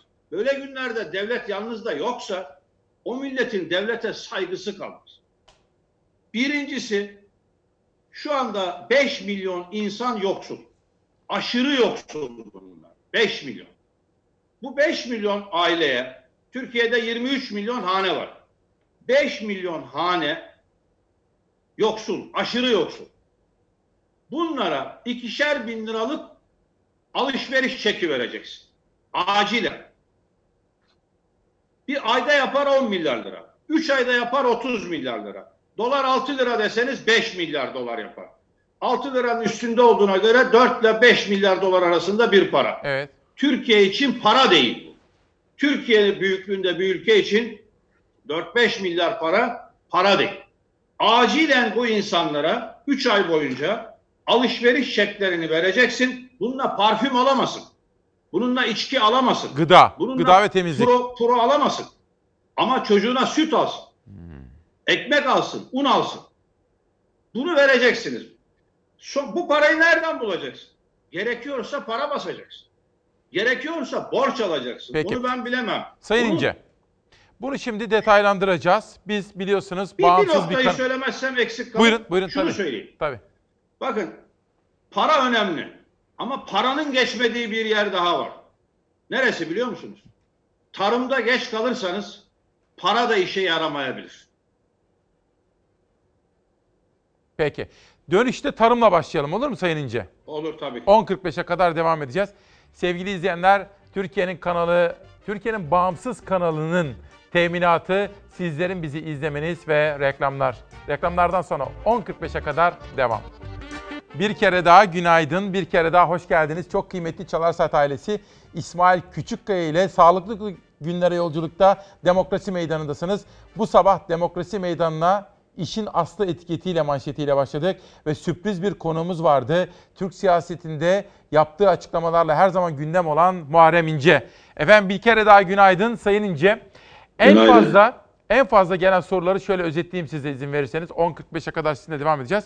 İşsizim diyenler, esnafım dükkan kapalı nasıl geçineceğim, karnımı nasıl doyuracağım diyenler, tarım ve çiftçiyim, üreticiyim ama nasıl geçineceğim diye soranlar. Kısa bir haberimiz var. Haberi izliyoruz sonra size soruyoruz. 10 Mart 9 Nisan arasında e, yem fiyatları %15 ile 20 arasında artış göstermiş. Son zamanlarda yemlere gelen zamlardan 120'lik zamlardan dolayı 80 liraya aldığımız yemimiz şu anda 100 liraya yaklaşmış bulunmaktadır. Çünkü yem ham maddelerinin yaklaşık %60'ı e, dışa bağımlı yani ithalatla karşılanıyor. Türkiye yemde dışa bağımlı koronavirüs sonrası ithalat düştü. Hem az yem gelmeye başladı hem de gelen yem zamlandı. Haliyle piyasada yemin fiyatı %20 arttı. Zaten son dönemde sütünü satamayan, hayvanını kestiremeyen besici iyice zora girdi. Oysa Tarım Bakanı Bekir Pakdemirli üreticinin sıkıntıya düşmeyeceğini açıklamıştı. Toprak Mahsulleri Ofisi stoklarında besici, yetiştirici, sanayici ve tüketicinin ihtiyacını karşılayacak yeterli miktarda ürün bulunuyor. Mandıralar süt alımını azalttı çünkü restoranlar, e, oteller, toplu tüketim yerleri kapalı olduğu için e, talepte bir e, düşme var ve üretici sütün bir bölümünü satamıyor. Aynı şekilde ette de benzer bir sıkıntı var. Üretici kesime gelmiş yani kesilmesi gereken hayvanını kesemiyor ama hayvanını kestiremediği gibi ona yem veriyor ve yem fiyatı da arttı, zamlandı. Koronavirüs tedbirleri kapsamında oteller, kafeler kapandı. Sadece paket servise izin verilen restoranların çoğu da kepenk indirdi. Haliyle süt tüketimi azaldı. Sanayici üreticiden süt almamaya başladı. Tek sorun bu da değil. Kesim zamanı gelen hayvanları kesime de götüremiyor besici. Ürettiğimiz ürünleri pazarlamakta sıkıntı çekiyoruz. Hayvanlarımızı kesime yollayamıyoruz. Yollayamadığımız için de zaten maliyetli olan bakımlarımız bu durumda daha da çok zarara uğramak durum- durumundadır. Şu anda çok zor durumdayız. Türkiye daha önce ithal ettiği soya, mısır, ayçiçeği, ayçiçeği küspesine veya kepeye bugün ton başına yaklaşık 100 dolar daha fazla para ödüyor. Kesime götüremedikçe hayvanını besleme süresi artıyor üreticinin. İthalata gelen zam doğrudan cebine yansıyor. Yem maliyetindeki artış bir ayda %20'yi buldu. Maliyetlerin artması demek üreticinin zora girmesi o ürünlere zam gelmesi demek. Uzmanlar da süt ve ette sorun yaşayabiliriz diye uyarıyor. O sorunun ortadan kalkmasının tek yoluysa üretime destek. Bu hayvancılık sektörü açısından gerçekten kaldırılabilir bir zam, kaldırılabilir bir yük değil. Tarım ve Orman Bakanlığı hemen Et ve Süt Kurumu'nu devreye sokarak üreticinin artan sütünü alıp bunu süt tozuna dönüştürmesi gerekiyor. Besicilikte ise yine hayvanların alınıp kesilmesi ve daha sonraki e, talep için, daha sonraki tüketim için depolanması gerekiyor. Tarım yazarı Ali Ekber Yıldırım'a göre Tarım Bakanlığı'nın müdahalesi şart. CHP Tekirdağ Milletvekili İlhami Özcan Argun'a göre de acil alınması gereken 3 önlem var. Yoksa et ve süt fiyatlarında maliyetlerin artması kaçınılmaz. Süt prim desteğinin acil olarak e, 30 kuruşa çıkartılması, kilogram başı yemde destek verilmesi, et e, kilogram üzerinden prim verilmesi hem et üreticilerimizin hem de süt üreticilerimizin nefes almasını sağlayacaktır. Önümüzdeki aylarda et ve sütte önemli sıkıntılar yaşayabiliriz. Evet, tarıma ilişkin dosya haberimiz bu. Karşımızda da Yalova'dan yayınımıza bağlanan Muharrem İnce. Muharrem Bey, siz ta öteden beri bu tarım ve üretim konusunu önemsersiniz. Peki şimdi böyle de bir kriz çıktı karşımıza. Ne yapacağız? Nasıl destekleyeceğiz? İsmail Bey, e, aslında çok basit biliyor musunuz? Nedir? Aklı ve bilimi kullansak sorunlar çok basit. Tek tek anlatayım. Lütfen. E, esnaftan başlayayım. Tamam. Şu anda odalar var. Esnaf odaları var. Trilyonları var bunların, trilyonları. Yani genel merkezlerinde bunların trilyonları var. 3-5 milyon lira bağış yapmakla bir şey yaptığını zannediyorum. Başta top olmak üzere. Bunların ka- kasaları dolu. Bu para kimin parası? Üyelerinin parası, esnafın parası. Onlara lisans satmış, belge satmış, üye aidatı almış. Bu kasaları boşaltmaları lazım. Bu odalar devlet iç- içinde devletçiklerdir. Acilen o kasalarında sıfır lira kalana kadar üyelerine, esnafa vermeleri lazım. Esnaf kısmı bu. Tamam. İki, gelelim tarıma. Eğitim, sağlık ve tarım. Piyasa koşullarına terk edilemez. Piyasanın insafına bırakılamaz. Burada devlet olmalıdır. Başından beri bunu söylüyoruz zaten. Çiftçiye ne yapılmalı? Türk çiftçisi Mart'la Ekim arasında ekim yapar. Mart ve Ekim ayı arasında. Şu anda tam zamanı. Çiftçi evinden çıktı şu anda. Tarlasına gidecek. Hasat yapacak, ekim Evet. yapacak. Evet. Bir, bir acilen ücretsiz tohum verilmeli. İki, tarım ilaçları reçeteyle verilmelidir, ücretsiz verilmelidir. Üç, elektrik, su, mazot, gübrede indirim yapılmalıdır. Ürün alım garantisi mutlaka verilmelidir. Hemen yapılmalıdır bunlar. Bakın bunları yapmazsak geç kalırız. Yarın para bulursunuz. Merkez Bankası'nın altınlarını satarsınız. Para basarsınız. Dışarıdan borç bulursunuz ama tarımda geç kalırsanız para işe yaramaz. Bunu anlatmaya çalışıyoruz devleti yönetenlere. Bakın bu krizden sadece Türkiye etkilenmiyor. Bu krizden dünya etkileniyor. Almanya ile bizim nüfusumuz hemen hemen aynı. Almanya e, 700 milyar euro ayırmış, biz 15 milyon dolar ayırmışız. Evet. Almanya ekonomisi bizim dört katımız. Ama ayırdığı para 50 kat. Yani dört kat büyüklükte nüfusu aynı ekonomik olarak dört kat büyüklükte iki ülke var. Evet. Türkiye 1 liraysa geliri Almanya'nın 4 lira. Nüfuslar aynı ama Türkiye 50'de 1. Almanya'nın 50'de 1'i kadar para ayırmış bu işe. Ama kaynağımız Amerika var mı? Birleşik Devletleri Kaynak var mı efendim? Oraya da geleceğim. Amerika Birleşik Devletleri 7 trilyon dolar ayırmış. Kanada 2 trilyon dolar ayırmış. Japonya 1 trilyon dolar ayırmış. Bizimkisi gülünç. O da şöyle. Şirketler gidiyor kredi almaya. Bin türlü bahane buluyorlar. Onu da alamıyorlar. O da yok zaten. Kaynak var mı diye sordunuz. Evet. E daha daha yakında seçim meydanlarında ana bak Muharrem IMF'ye 5 milyar dolar arkadaşlar sordu. Verin dedim diye hava atıyordu. Hani dünya lideriydi? IMF'ye borç veren bir ülkenin kaynağı olmaz mı? Yani o zaman tercihleriniz sizin yanlış demek ki. Türkiye bakın Türk kriz ortamlarında kriz ortamlarında yapılacak iş şudur. Yöneten kişi yetkilerinin bir kısmını ehil olana devreder. Asıl lider budur zaten. Yetkilerinin bir kısmını ehil olana devreden kişi lider olur zaten. Kendi kafasına göre hareket etmez. Neden bir pandemi kurulu kurulmuyor bu ülkede? Bilim kurulu doğru bir iştir. Destekliyorum. Tamam. Ama bilim kurulunda yanlış yapılan iş şudur. Şeffaflık yoktur. Biz bu ülkenin yurttaşları olarak bilim kurulunun hangi kararlar aldığını biliyor muyuz? Bilmiyoruz. Onları biz bilmeliyiz. Acaba bilim kurulu 10 karar aldı da Cumhurbaşkanı bunların kaçını uyguluyor? Üçünü mü, beşini mi, onunu mu, birini mi? Hiçbirini mi uygulamıyor? Bilim kurulu gereklidir ama yeterli değildir. Yeterli olanı bir pandemi kurulu. Bunun içinde sosyologlar olmalıdır. Bunun içinde ekonomistler olmalıdır. Bunun içinde tarım uzmanları olmalıdır. Bunun içinde aykırı sesler olmalıdır. Ortak akıl, ortak akıl üretilmelidir. Bakın tarımda geç kalırsak geleceğimiz vahim olur. Önümüzdeki kış başka şeyleri konuşuyor. Peki. Sayın İnce. Tulum, tulumbada suyun bittiğini biliyoruz. IMF'ye borç, borç verdik palavralarını falan biliyoruz. Kaynak kaynak yaratılır. Kaynak bulunur. Yani sıkıştığınız anda kaynak bulunur. Para basarsınız. Para basarsınız. Peki. Sonra işler düzelince tahvil satarak o bastığınız parayı geri çekersiniz. Şimdi ter- efendim bir de şimdi devletimiz tabii anayasada da yazılı sosyal bir devlet. Yani sosyal devlet vatandaşlarının huzuru için, esenliği için, refah için, karnını doyurmak için, sağlık için, eğitim için gerekli her türlü tedbiri alan devlettir. Anayasamızın amil hükümlerinden birisi bu. Berat Albayrak'ın da bir açıklaması var. Onu da bir izleyelim. Sosyal yardımları size sormak istiyorum.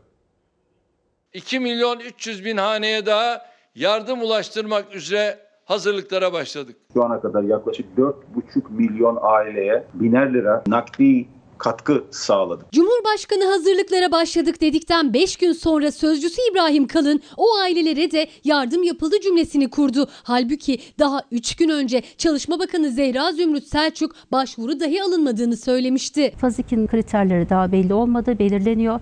Faz 3 için de web sitesi üzerindeki altyapıda daha tamamlanmadı. Onu da açıklayacağız. O yüzden şimdiden e, başvurmalarına da gerek 2 milyon 100 bin aileye biner lira yardım yapıldı. İktidar yeni 2 milyon 300 bin aileye de biner lira yardım yapılacağını açıkladı. Yani toplamda 4 milyon 400 bin aileye ulaşacak. Ancak Cumhurbaşkanlığı sözcüsü o yardımların da yapıldığını söyledi. Faz 2'de de 2,3 milyon haneye ulaşmayı hedefliyoruz. İhtiyaç sahibi olan ailelere bu paralar aktarıldı. Bundan sonra da aktarılmaya devam edecek. 2.3 milyon aileye daha yapacağız ifadesi var. İbrahim Kalın Twitter'dan okuduğu rakamları toplayıp bunları yaptık demektedir.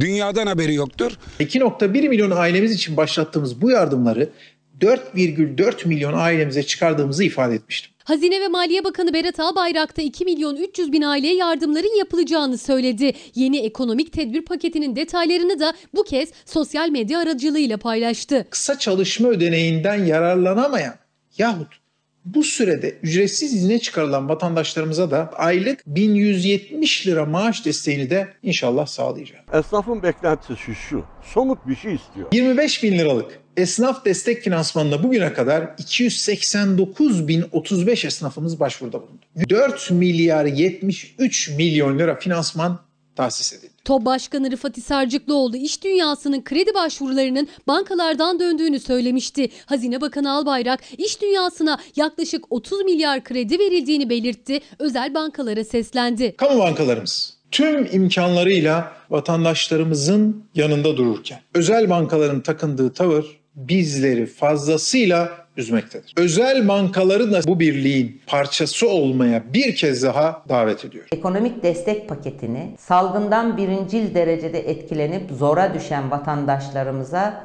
direkt nakit yardımı da içerecek şekilde milli gelirimizin en az %7'si seviyesine genişletin. İktidar, işçi, işveren, esnaf için gereken önlemleri alıyoruz derken muhalefet alınan tedbirler yetersiz diyor.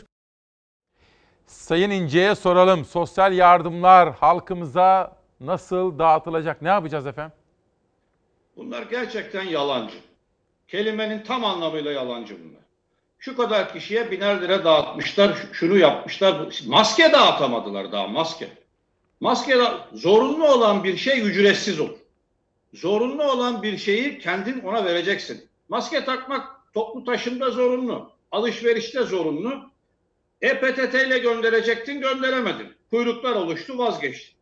E-Devlet dedin e, bir haftadır e, müracaat edenler ondan da vazgeçtin. Ücre, eczaneler ücretsiz versin dediklerinde e, bizim Gaye Usluer arkadaşımızı linç ettiler sosyal medyada.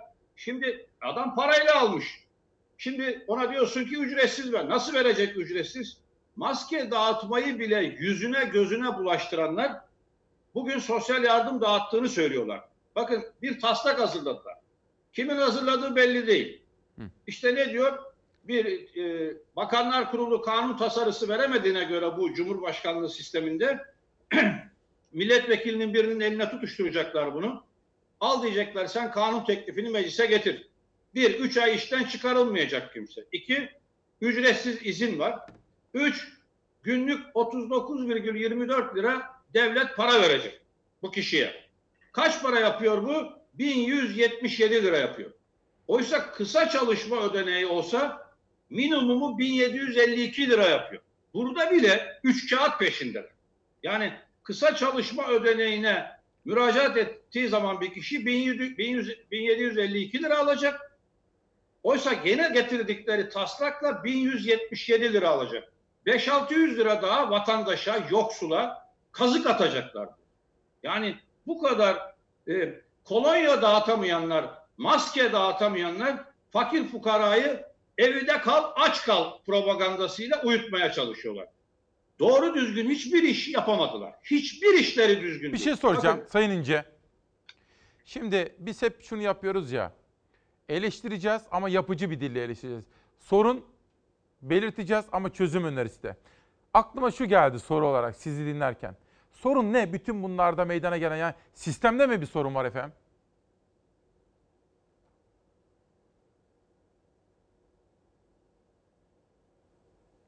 Orada teknik bir şey.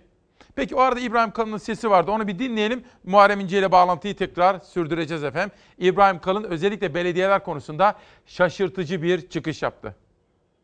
Birçok yerde belediye başkanlarımız gerçekten çok güzel işler yaptılar, yapmaya devam ediyorlar. Büyükşehir belediyeleriyle ve diğer belediyelerle işbirliği noktasında e, hiçbir sorunumuz olmadığı gibi tam tersi. Ben Cumhurbaşkanımız belediye başkanlığından, yerel yönetimlerden gelen bir siyasetçi olduğu için bunun ne kadar önemli olduğunu da bilen bir siyasi lider. Merkezi yönetimin e, her yere ulaşamadığı ya da ulaşmak zorunda olmadığı hizmetler yerel yönetimler, belediyeler tarafından veriliyor. İşbirliği, eşgüdüm, koordinasyon son derece önemli. Siyasi görüş ayrılıklarını, parti mensubiyetlerini bir kenara bırakarak e, hepimizin bu işbirliğine ve eşgüdüme odaklanması gerekiyor. Teknik bir mesele var ama arkadaşlarım çözmeye gayret ediyorlar efendim. O arada ben şu iki kitabı tanıtayım. Bir de bugün erken saatlerde 8 civarında size manşet olarak sunmuştum. Saadet Partisi lideri kaygılıydı, üzüntülüydü ve tepkiliydi.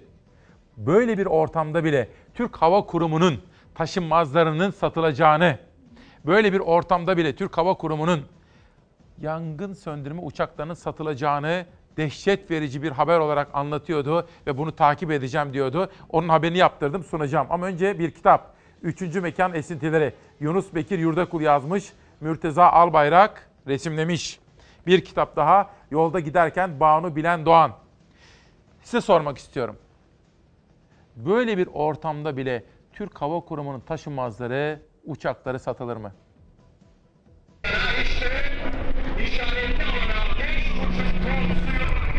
6 tane apronda uçak gözüküyor. 3 tanesinin motorların içine kuşlar yuva yapmış. Motor yok, motor. Türk Hava Kurumu'nun uçakları bugün ihaleye çıkacak. CHP, Mimarlar Odası Ankara Şubesi ve Saadet Partisi Genel Başkanı Temel Karamollaoğlu Türk Hava Kurumu ihalesine itiraz etti. Kurumların geçmişte hataları, eksikleri elbette olmuştur. Ancak bu kurumların tasfiye edilmesi yerine ıslah edilmesi daha akıllıca bir yöntemdir. Ormanlarımız şirketlerin kar odaklı insafına havale edilmemeli, kamu vicdanını sızlatacak bu ihaleden mutlaka vazgeçilmelidir. Bugün saat 14.30'da yapılması beklenen ihalede Türk Hava Kurumu'na ait 11 uçak ihaleye çıkarılacak.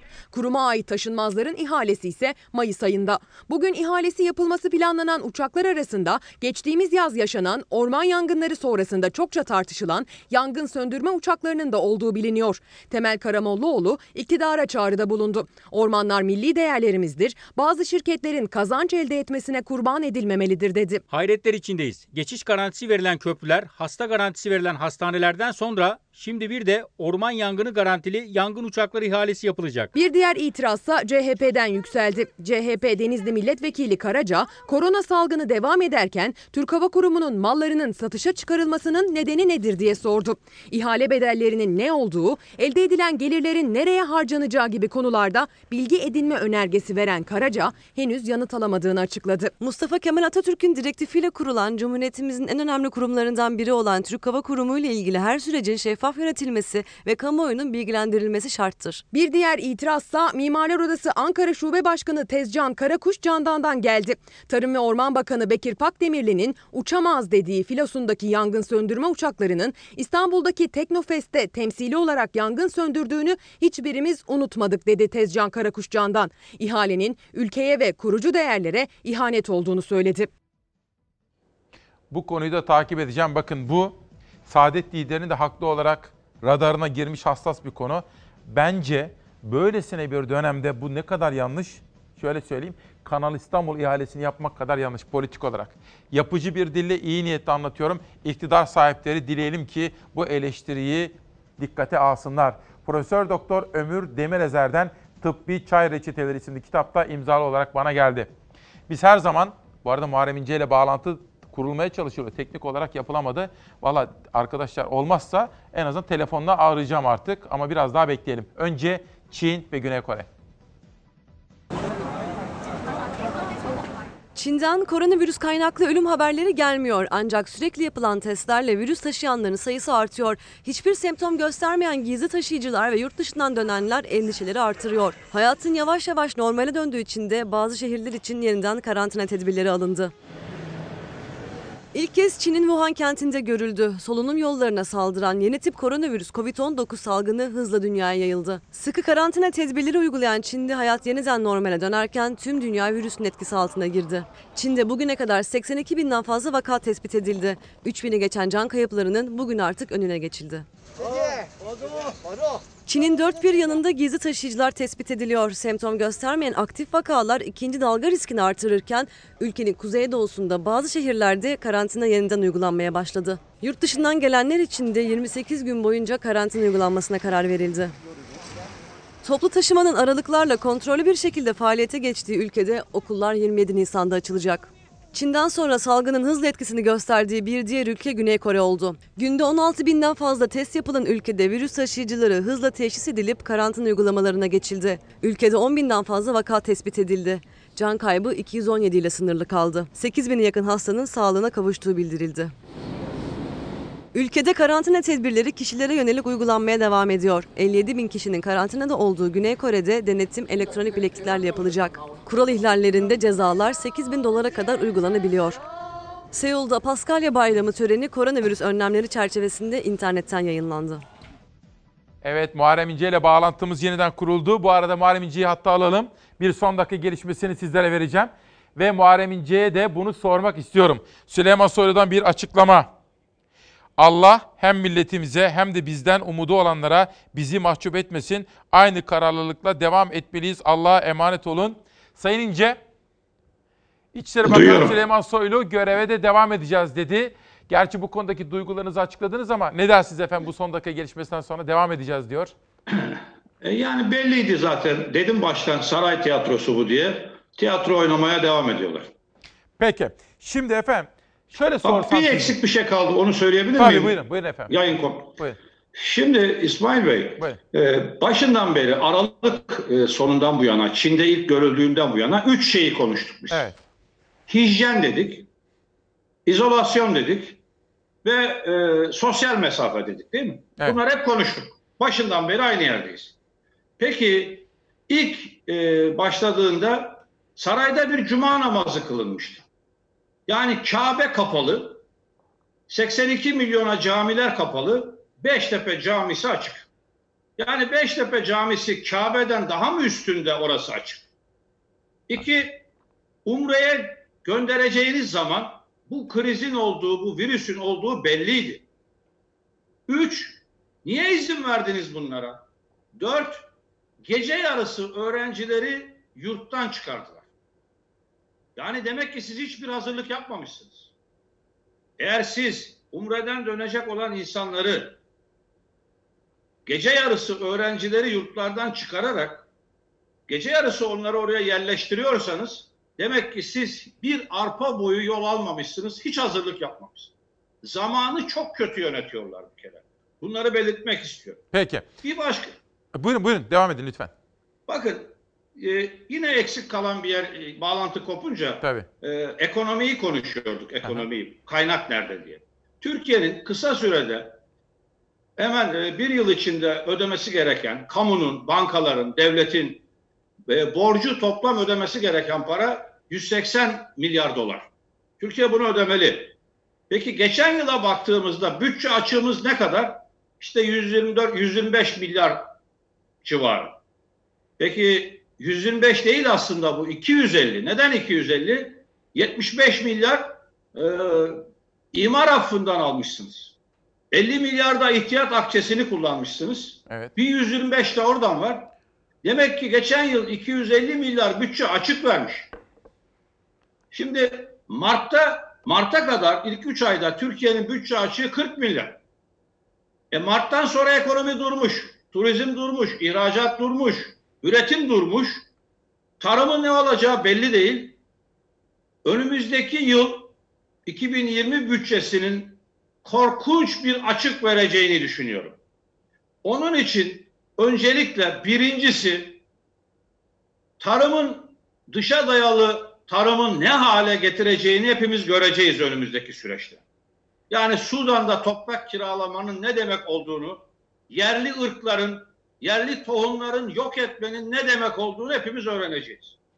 Acilen hazır Türk çiftçisi Ekim dönemindeyken acilen ücretsiz tohum, Evet. acilen ürün alım garantisi bunlar yapılırsa bir miktar rahatlayabiliriz. Peki. Ama yapacaklar mı diye sorarsanız ortak aklı yitirdikleri için, bilime inanmadıkları için, hala siyaset peşinde koştukları için yani Umre'ye gidenlere izin vermezsem kendi seçmenimi küstürürüm diye bu kadar basit, ucuz, devlet adamlığından uzak bir yaklaşımla memleketi yönettikleri için Allah memleketimizi korusun diyorum. İnanın ki aldıkları her kararı dikkatlice inceliyorum. Bakıyorum çoğunda uygulamalar o kadar kötü ki. Sokağa çıkma yasağı kötü. Maske dağıtmak kötü. Yani e, ilk başladığında e, millete önlem olarak yaptıkları şu anda iki tane kesin olan bir şey var. Bir, gündüzleri televizyonlardan altyazıyla gündüzleri imam veriyorlar. Yatsı namazından sonra da sela veriyorlar. Peki. Sayın İnce, şimdi tam bağlantı teknik gerekçelerle kopmadan önce size şunu sormuştum. Hani eleştiri yapıcı, sorun ama çözüm önerisi de bulunacağız. Çok tecrübeli bir siyasetçisiniz. Sonuçta Cumhurbaşkanı'nın karşısında Cumhurbaşkanı adayıydınız. Bu yaşadıklarımızın sistemle mi sorunu var? Yani sistem sorunu mu yaşıyoruz biz efendim? E, e, kesinlikle sistem sorunu yaşıyoruz. Öyle mi? Yani böyle bir sistemde kim olsa e, kim olsa hataya açık bir sistem bu. Yani bütün yetki tek adamda. Yargıyı o atıyor, meclisi o yönetiyor. Çoğunluk onda olduğu için milletvekillerinin özgür iradesinin olmadığını herkes bilir. E, ben 2002'de milletvekilliği seçildim. 2018'e kadar 16 yıl milletvekilliği yaptım. O 16 yılda milletvekilliğinin nasıl böyle grafiğin aşağıya doğru gittiğini özgürlük anlamında adım adım yaşayanlardan birisiyim. Yani tarımı o biliyor, sokağa çıkmayı o biliyor, e, eğitimi o biliyor, dindar nesil yetiştirecek, e, kindar nesil yetiştirecek onu biliyor, sağlığı biliyor, doktorlara hakaret ediyordu, iğne yapmasını bilmiyorlar diye. Tek adam burada kim oturursa oturun, otursun, bu yetkilerle Türkiye Cumhuriyeti'nin anayasasının ve yasaların verdiği, tek adama verdiği bu yetkiyle dünyanın en mülayim insanını getirin, bir süre sonra diktatör olur. Türkiye acilen bu sistemden vazgeçmeli. Nasıl? Ne yapmalı? Bu, güçlendirilmiş bir parlamenter sisteme geçmelidir. Bakın bakanlar dedim ya bakanların hiçbir yet, e, etkisi yok. Çok komik bir şey söyleyeyim size. ben siyasette çok meraklı bir çocuktum. Yani e, 11 yaşında e, ciddi politik gazetelerdeki makaleleri okurdum. E, ortaokul, lise yıllarındayken bütün bakanların isimlerini ezbere bilirdim. Kim ne bakan. Size bir şey söyleyeyim mi? Evet. Ben ben şu anda bakanların isimlerini e, ezbere sayamayabilirim. Bu konumdayken. Hatta AKP milletvekilleri bile sayamayabilir. Neden biliyor musunuz? Çünkü değerleri yok. Milletvekilleri nasıl efendim? Meclistekiler nasıl şimdi mesela? Milletvekilliği bitti. Öyle bir kurum kalmadı ki artık. Bitti. Yani milletvekili e, mecliste gen soru yok.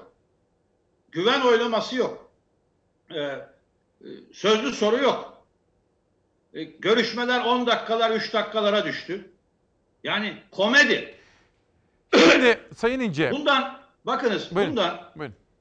2002'de milletvekillerinin tenezzül etmediği bir şey vardı. mesela e, bir dakikalık bir konuşma var. Meclis açılınca e, bir dakikalık girer milletvekili bir dakikalık bir görüşünü bildirir. O bir dakikadan en az bir dakikadır. Üç dakikaya kadar verebilir başkanın inisiyatifinde.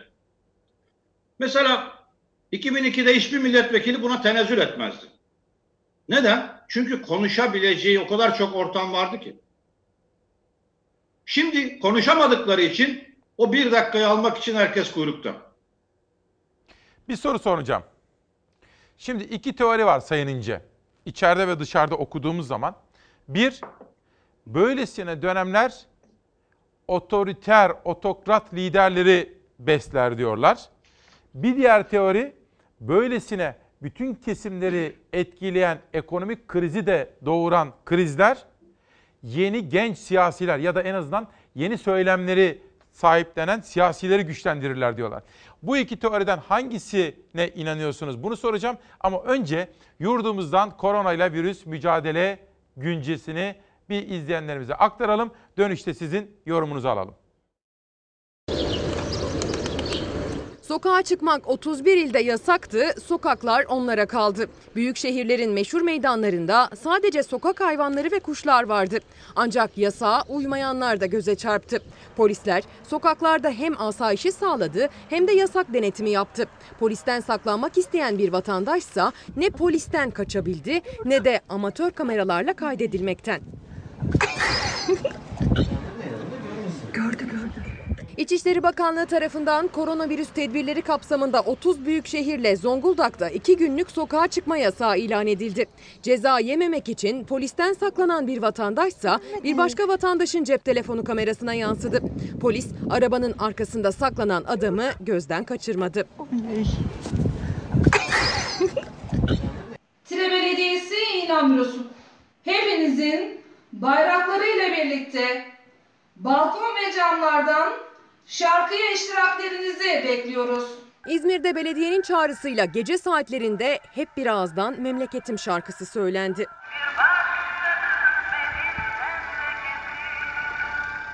İzmir'in Tire ilçesinde evlerinin balkonlarına çıkan vatandaşlar hoparlörden çalınan Bir Başkadır Benim Memleketim şarkısını hep bir ağızdan söyledi. Etkinliğin devam edeceği duyuruldu. İzmir'in Çiğli Belediyesi ise sokağa çıkma yasağı sürerken sokaklardaydı. Evlerinden çıkamayanlara ekmek dağıtıldı, sokak hayvanları unutulmadı. Çiğli Belediye Başkanı Utku Gümrükçü dağıtım ekibine destek verdi. Annem niye ağlıyorsun? Karaman'da ise gözleri yaşartan bir kavuşma yaşandı. 6 yaşındaki Öykü sağlık çalışanı annesine kavuştu.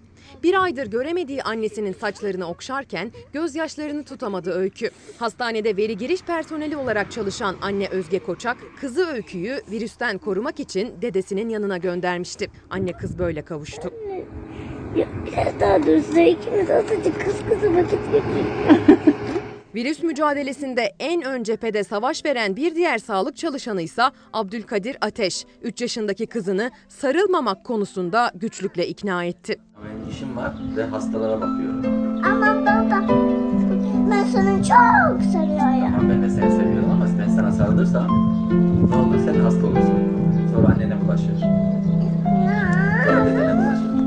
3 yaşındaki Elif hastanede hemşirelik yapan babasını çok özlediğini defalarca söylese de kucaklaşamadılar. Ama baba her gün her gün ben sana çok seviyorum. Çok çok. Ben de seni gün çok seviyorum ama sarılamıyorum. Canım benim. Muharrem İnce'nin yorumunu alacağız fakat iki detay vereceğim. İskenderun'dan Şahizer Seber hafta sonunda üretim yapmak üzere tarlaya doğru giden çalışanların durdurulduğunu ve onlara izin verilmediğini söyledi. Nasıl üreten Türkiye'ye ulaşacağız diye soruyor Şahizer Seber. Bir başkası bir diş hekim arkadaşım. Diş hekimleri de bu zorlu dönemde fedakarca görev yapıyorlar. Bazıları Ankara ve İstanbul'da göreve çağrıldılar. Kamuda görevli diş hekimleri diye. Onlar da unutulmasın diyorlar. Şimdi Muharrem İnce'ye dönelim. Sayın İnce, sizce kim Merhabalar. kazanacak efendim? Otokrat liderler mi, demokrat liderler mi? E, totaliter rejimler mi, özgür yurttaşlar mı? Bu tamamen bize bağlı, yurttaşlara bağlı. Örgütlenirsek e, özgür yurttaş yaratırız. Olmazsa e, e, totaliter rejimler ortaya çıkar. Bakın ben önümüzdeki dönemde Evet. gençlere seslenen, bilim diyen, kuantum diyen Evet. siyasetçilerin e, daha çok dinlenilir olacağını düşünüyorum. Örneğin siz e, Türkiye'de e, en iyi bilinen gazetecilerden, televizyonculardan birisi olarak tercihlerinizi değiştireceksiniz. Yani paranız olduğunda yazlık almak yerine tarım arazisi almayı düşüneceksiniz. Türkiye'de ve dünyada artık daha çok sosyal adaleti konuşacağız. Şeffaf kamu yönetimini konuşacağız. Belki de unuttuğumuz planlamayı yeniden konuşacağız. Önümüzdeki dönemde tarım çok konuşulacak. Önümüzdeki süreçte takas ticaretini konuşacağız. Mesela tıpta tedaviden önce tıpta korunmayı konuşacağız. Örneğin önümüzdeki süreçte e, uluslararası örgütlerin gücünün arttığını göreceğiz. Yani e, bilimi daha çok, hukuku daha çok konuşacağız. E, bu bize bağlı ama şu da e, tehlikelerden birisidir. 1929 krizini hatırlayın dünyada. Büyük buhran. Büyük buhrandan sonra e, bütün büyük faşistler, bütün büyük diktatörler ondan sonra çıkmıştır. Yani Hitler, Hitler bunun bir ürünüdür. E, Franco'su, Salazar'ı, e, yani e, Mussolini'si bu büyük krizden sonra e, ya da onunla e, eş zamanlı olarak ortaya çıkmışlardır. E, böyle dönemlerde popülist politikacılar halkı kandırarak diktatörlük e, düzeni kurabilirler. E, bu tehlike vardır. E, onun için bizler e, toplumun önünde olan insanlar, bilim insanları, e, siyaseti, geleceği kurgulamak üzerine adayanlar e, daha sık meydanlarda olacağız, daha sık ekranlarda olacağız. Bunu anlatacağız. Yani e, dünyada da şöyle olabilir. E, bu yalnızca Türkiye açısından söylemiyorum, küresel ölçekte söylüyorum. Yani bir e, ulusal tecrit mi yaşayacak ülkeler yoksa bir küresel dayanışma mı yaşayacak? Tabii. Örneğin ben şu anda laboratuvarlarda e, Kanada'da, Türkiye'de, Japonya'da, Rusya'da, Amerika'da, Fransa'da, dünyanın pek çok ülkesinde bilim insanlarının e, bu virüsle baş etmek için harıl harıl çalıştıklarını, Tabii, tabii. bir dayanışma içerisinde olduklarını, yani e, ülkeler arası bir rekabetten çok bunu bir an önce bulalım diye bilimde bir Peki. dayanışmanın olduğunu tahmin ediyorum. Bunu hissediyorum. E, çünkü bilim evrenseldir. E, bulan kullanmaz, herkes kullanır. Peki. Sayın Ben, İnce, e, şimdi buyurun. bir üzüntümü, bir kaygımı, sizin de hassasiyet taşıdığınızı bildiğim bir soru işaretini sormak istiyorum size. Bugünlerde o da çok gündemde. Gazeteciler diyeceğim. Ama önce şu bilgiyi vereyim sevgili Çalar Saat ailesi. Biraz önce Muharrem İnce'nin bahsettiği iki teoriden ben iyimser gözlükle bakanlardanım. Dünyada yeni tür bir siyasi dalga gelecek. Kadın sorunlarına, çevre sorunlarına, ekonomi sorunlarına, tarım başta olmak üzere bütün bu çevresel meselelere daha çok ön plana alan, yapıcı bir dil kullanan, dayanışmayı ön plana alan yeni siyasetçi sınıfı ya da yeni söylemler. Siyasetçi eski olabilir, söylemi genç olabilir. Bunlar ön plana çıkacak. Muharrem İnce'ye sorum şu olacak. Savaş gelsin bakalım. Savaş Yıldız şu andan itibaren yönetmen koltuğunda. Sayın Muharrem İnce, Barış Pehlivan ve Barış Terkoğlu, Oda TV'nin iki yöneticisi, benim iki meslektaşım. Hülya Kılınç, Oda TV'nin muhabiri. Murat Ağırel, Sarmal kitabının yazarı ve aynı zamanda Yeni Çağ Gazetesi'nin yazarı. Aydın Keser, Yeni Yaşam Gazetesi. Ferhat Çelik, Yeni Yaşam Gazetesi ve Hakan Aygün. Onlar şu anda tutuklu. Ve şu anda infaz sisteminde bir takım değişiklikler var. Muharrem İnce'ye soralım. Bu konudaki yorum ve değerlendirmenizi alabilir miyiz efendim? Tabii ki. Yani sırf e, kendi e, ittifaklarını bozmamak için bir infaz yasası çıkarıyorlar. E, yani iki parti arasındaki AK Parti ve MHP arasındaki ittifak bozulmasın diye. Daha doğrusu iki genel başkan arasındaki ittifak bozulmasın diye mafya babalarına, Çorlu'da e, tren kazasına sebep olanlara, e, Çor, e, Soma'da 301 madencimizin e, yaşamını yitirmesine sebep olanlara af gelecek, gazeteciler e, tutuklu kalacak. İşte faşizm budur işte. İşte tek adamlık, diktatörlük tam da budur. E, ama umutlarını yitirmesin arkadaşlarım. Umutlarını tazelesinler, umutlarını yeşersinler diyor. Çok teşekkür ediyorum katıldığınız için. Son olarak son bir Türkiye... şey söyleyebilir Tabii, miyim? Onu bırakacaktım size efendim. Buyurun. Son Sizin e, sizin önerinize de katılıyorum. Ben de iyimser taraftayım. E, ben ama her ikisini de söylemek Tabii zorundayım. ki, tabii ki. O bize bağlı dedim, halkımıza bağlı dedim. Mesela e, ben de iyimser taraftayım. E, kadınların, gençlerin siyasette daha çok olacaklarını düşünüyorum. Mesela ne olacak biliyor musunuz? Ne olacak efendim? E, bu olursa şaşırmam. Büyük şirketler yönetim kurullarına önceden emekli generaller koyarlar. Ee, sonra bu şirketler yönetim kurullarına emekli siyasetçi koydular. Yeni dönemde mesela kadın derneğinden, gençlik örgütünden e, çocuklar bu yönetim kurullarında olursa hiç şaşırmam. Çok iyi. Sayın İnce çok teşekkür ediyorum katkılarınız için, katılımınız için. Eşiniz Ülke Hanım'a, bütün aileye selamlar söyleyin lütfen efendim. Sağ olun, var olun. Aramızdaki e, aramızdaki fark da şu oldu. Siz kentte yaşıyorsunuz, ben köyde. E, teknik arıza benden kaynaklandı. İletişim altyapımız size göre zayıf ama beslenme altyapımız size göre daha iyi. Şahane. Bağışıklığınızı güçlü tutun her zaman. Teşekkür ediyorum efendim. Sağ olun. Bir de dünyaya bir bakalım efendim. Almanya ne yapıyor, Fransa ne yapıyor? Bakalım mı? Hadi gidelim.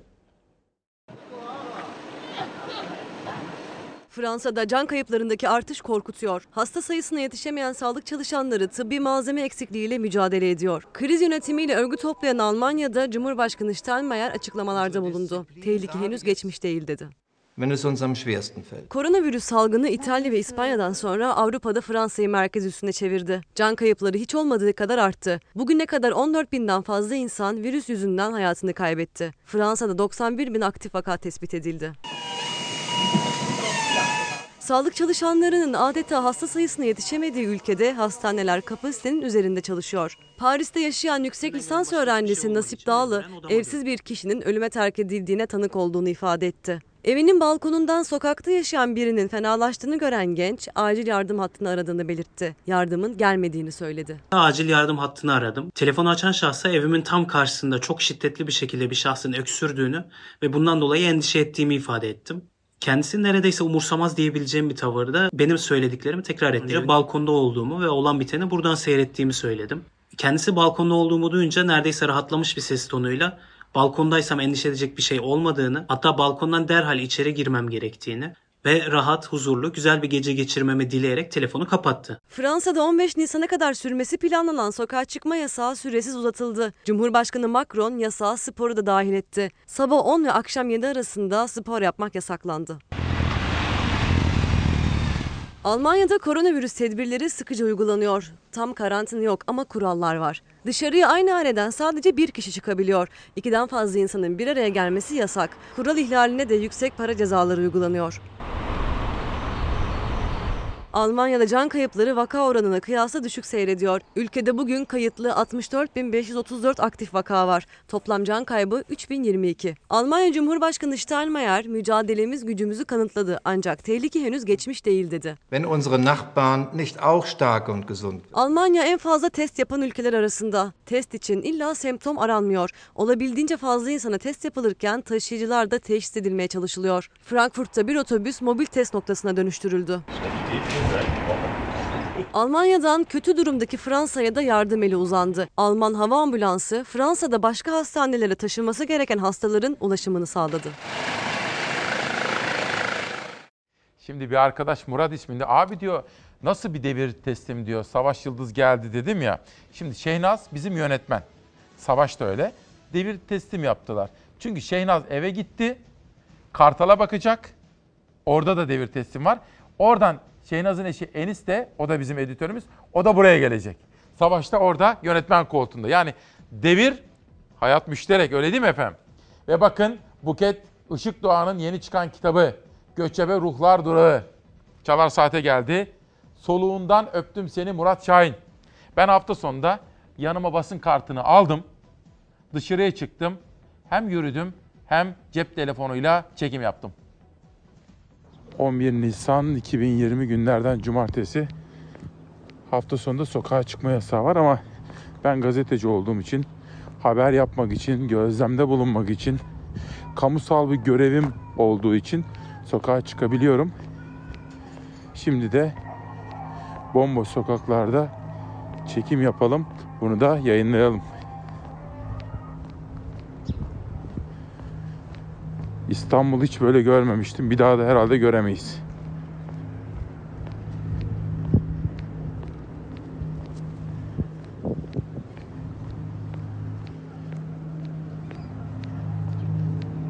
Gazetecinin bir görevi de bütün tarihsel olaylarda gözlem yapmak ve tarihe kayıt düşmektir.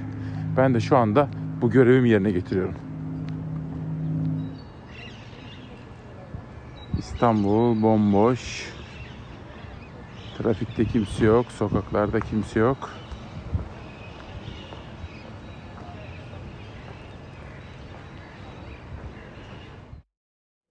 Havası da temizdi, trafik yok. Böyle bir deneyim inan- inanılmaz bir deneyim oldu. Bu arada şunu söyleyeyim. O polis kardeşimizin martıları beslerken çektiğim videosunu çok yoğun talep geldi. Yarına bir kere daha vereceğim. Arkadaşlarım notlarını aldılar. İki, bugünkü yayından sonra takip edeceğim hususlardan birisi Türk Hava Kurumu ihalesi. Böyle bir zamanda ihaleye çıkılır mı? Saadet lideriyle de konuşacağım. O da takip ediyor. Ankara Mimar Odası Başkanı ile de konuşacağım. O da takip ediliyor. Bunları da takip listeme aldım. Yarın için sizlere söz veriyorum. Şiir yolcusu kalmasın Oğuz Tümbaş yazmış ve bana yollamış bu kitabı. Bu hafta size zaman zaman Emel Güz şiirleri okuyacağım. Ruhum gövdemde değil diyor. Ve şunu söylüyor şair. Aslında basit gibi ama değil. Hepinizde kalp var diyor. Hepinizde kalp var diyen şair şiir aşkını şöyle anlatıyor. Bana aşkı şiir öğretti. Aşk yalnızca bir sözcükmüş. Ben sormaya şiirle başladım. Kimse bilmiyor. Kimse bilmiyor. Bana tersten bakmayı, bana tersten bakmayı şiir öğretti. Gördüklerim, gördüklerim gerçek.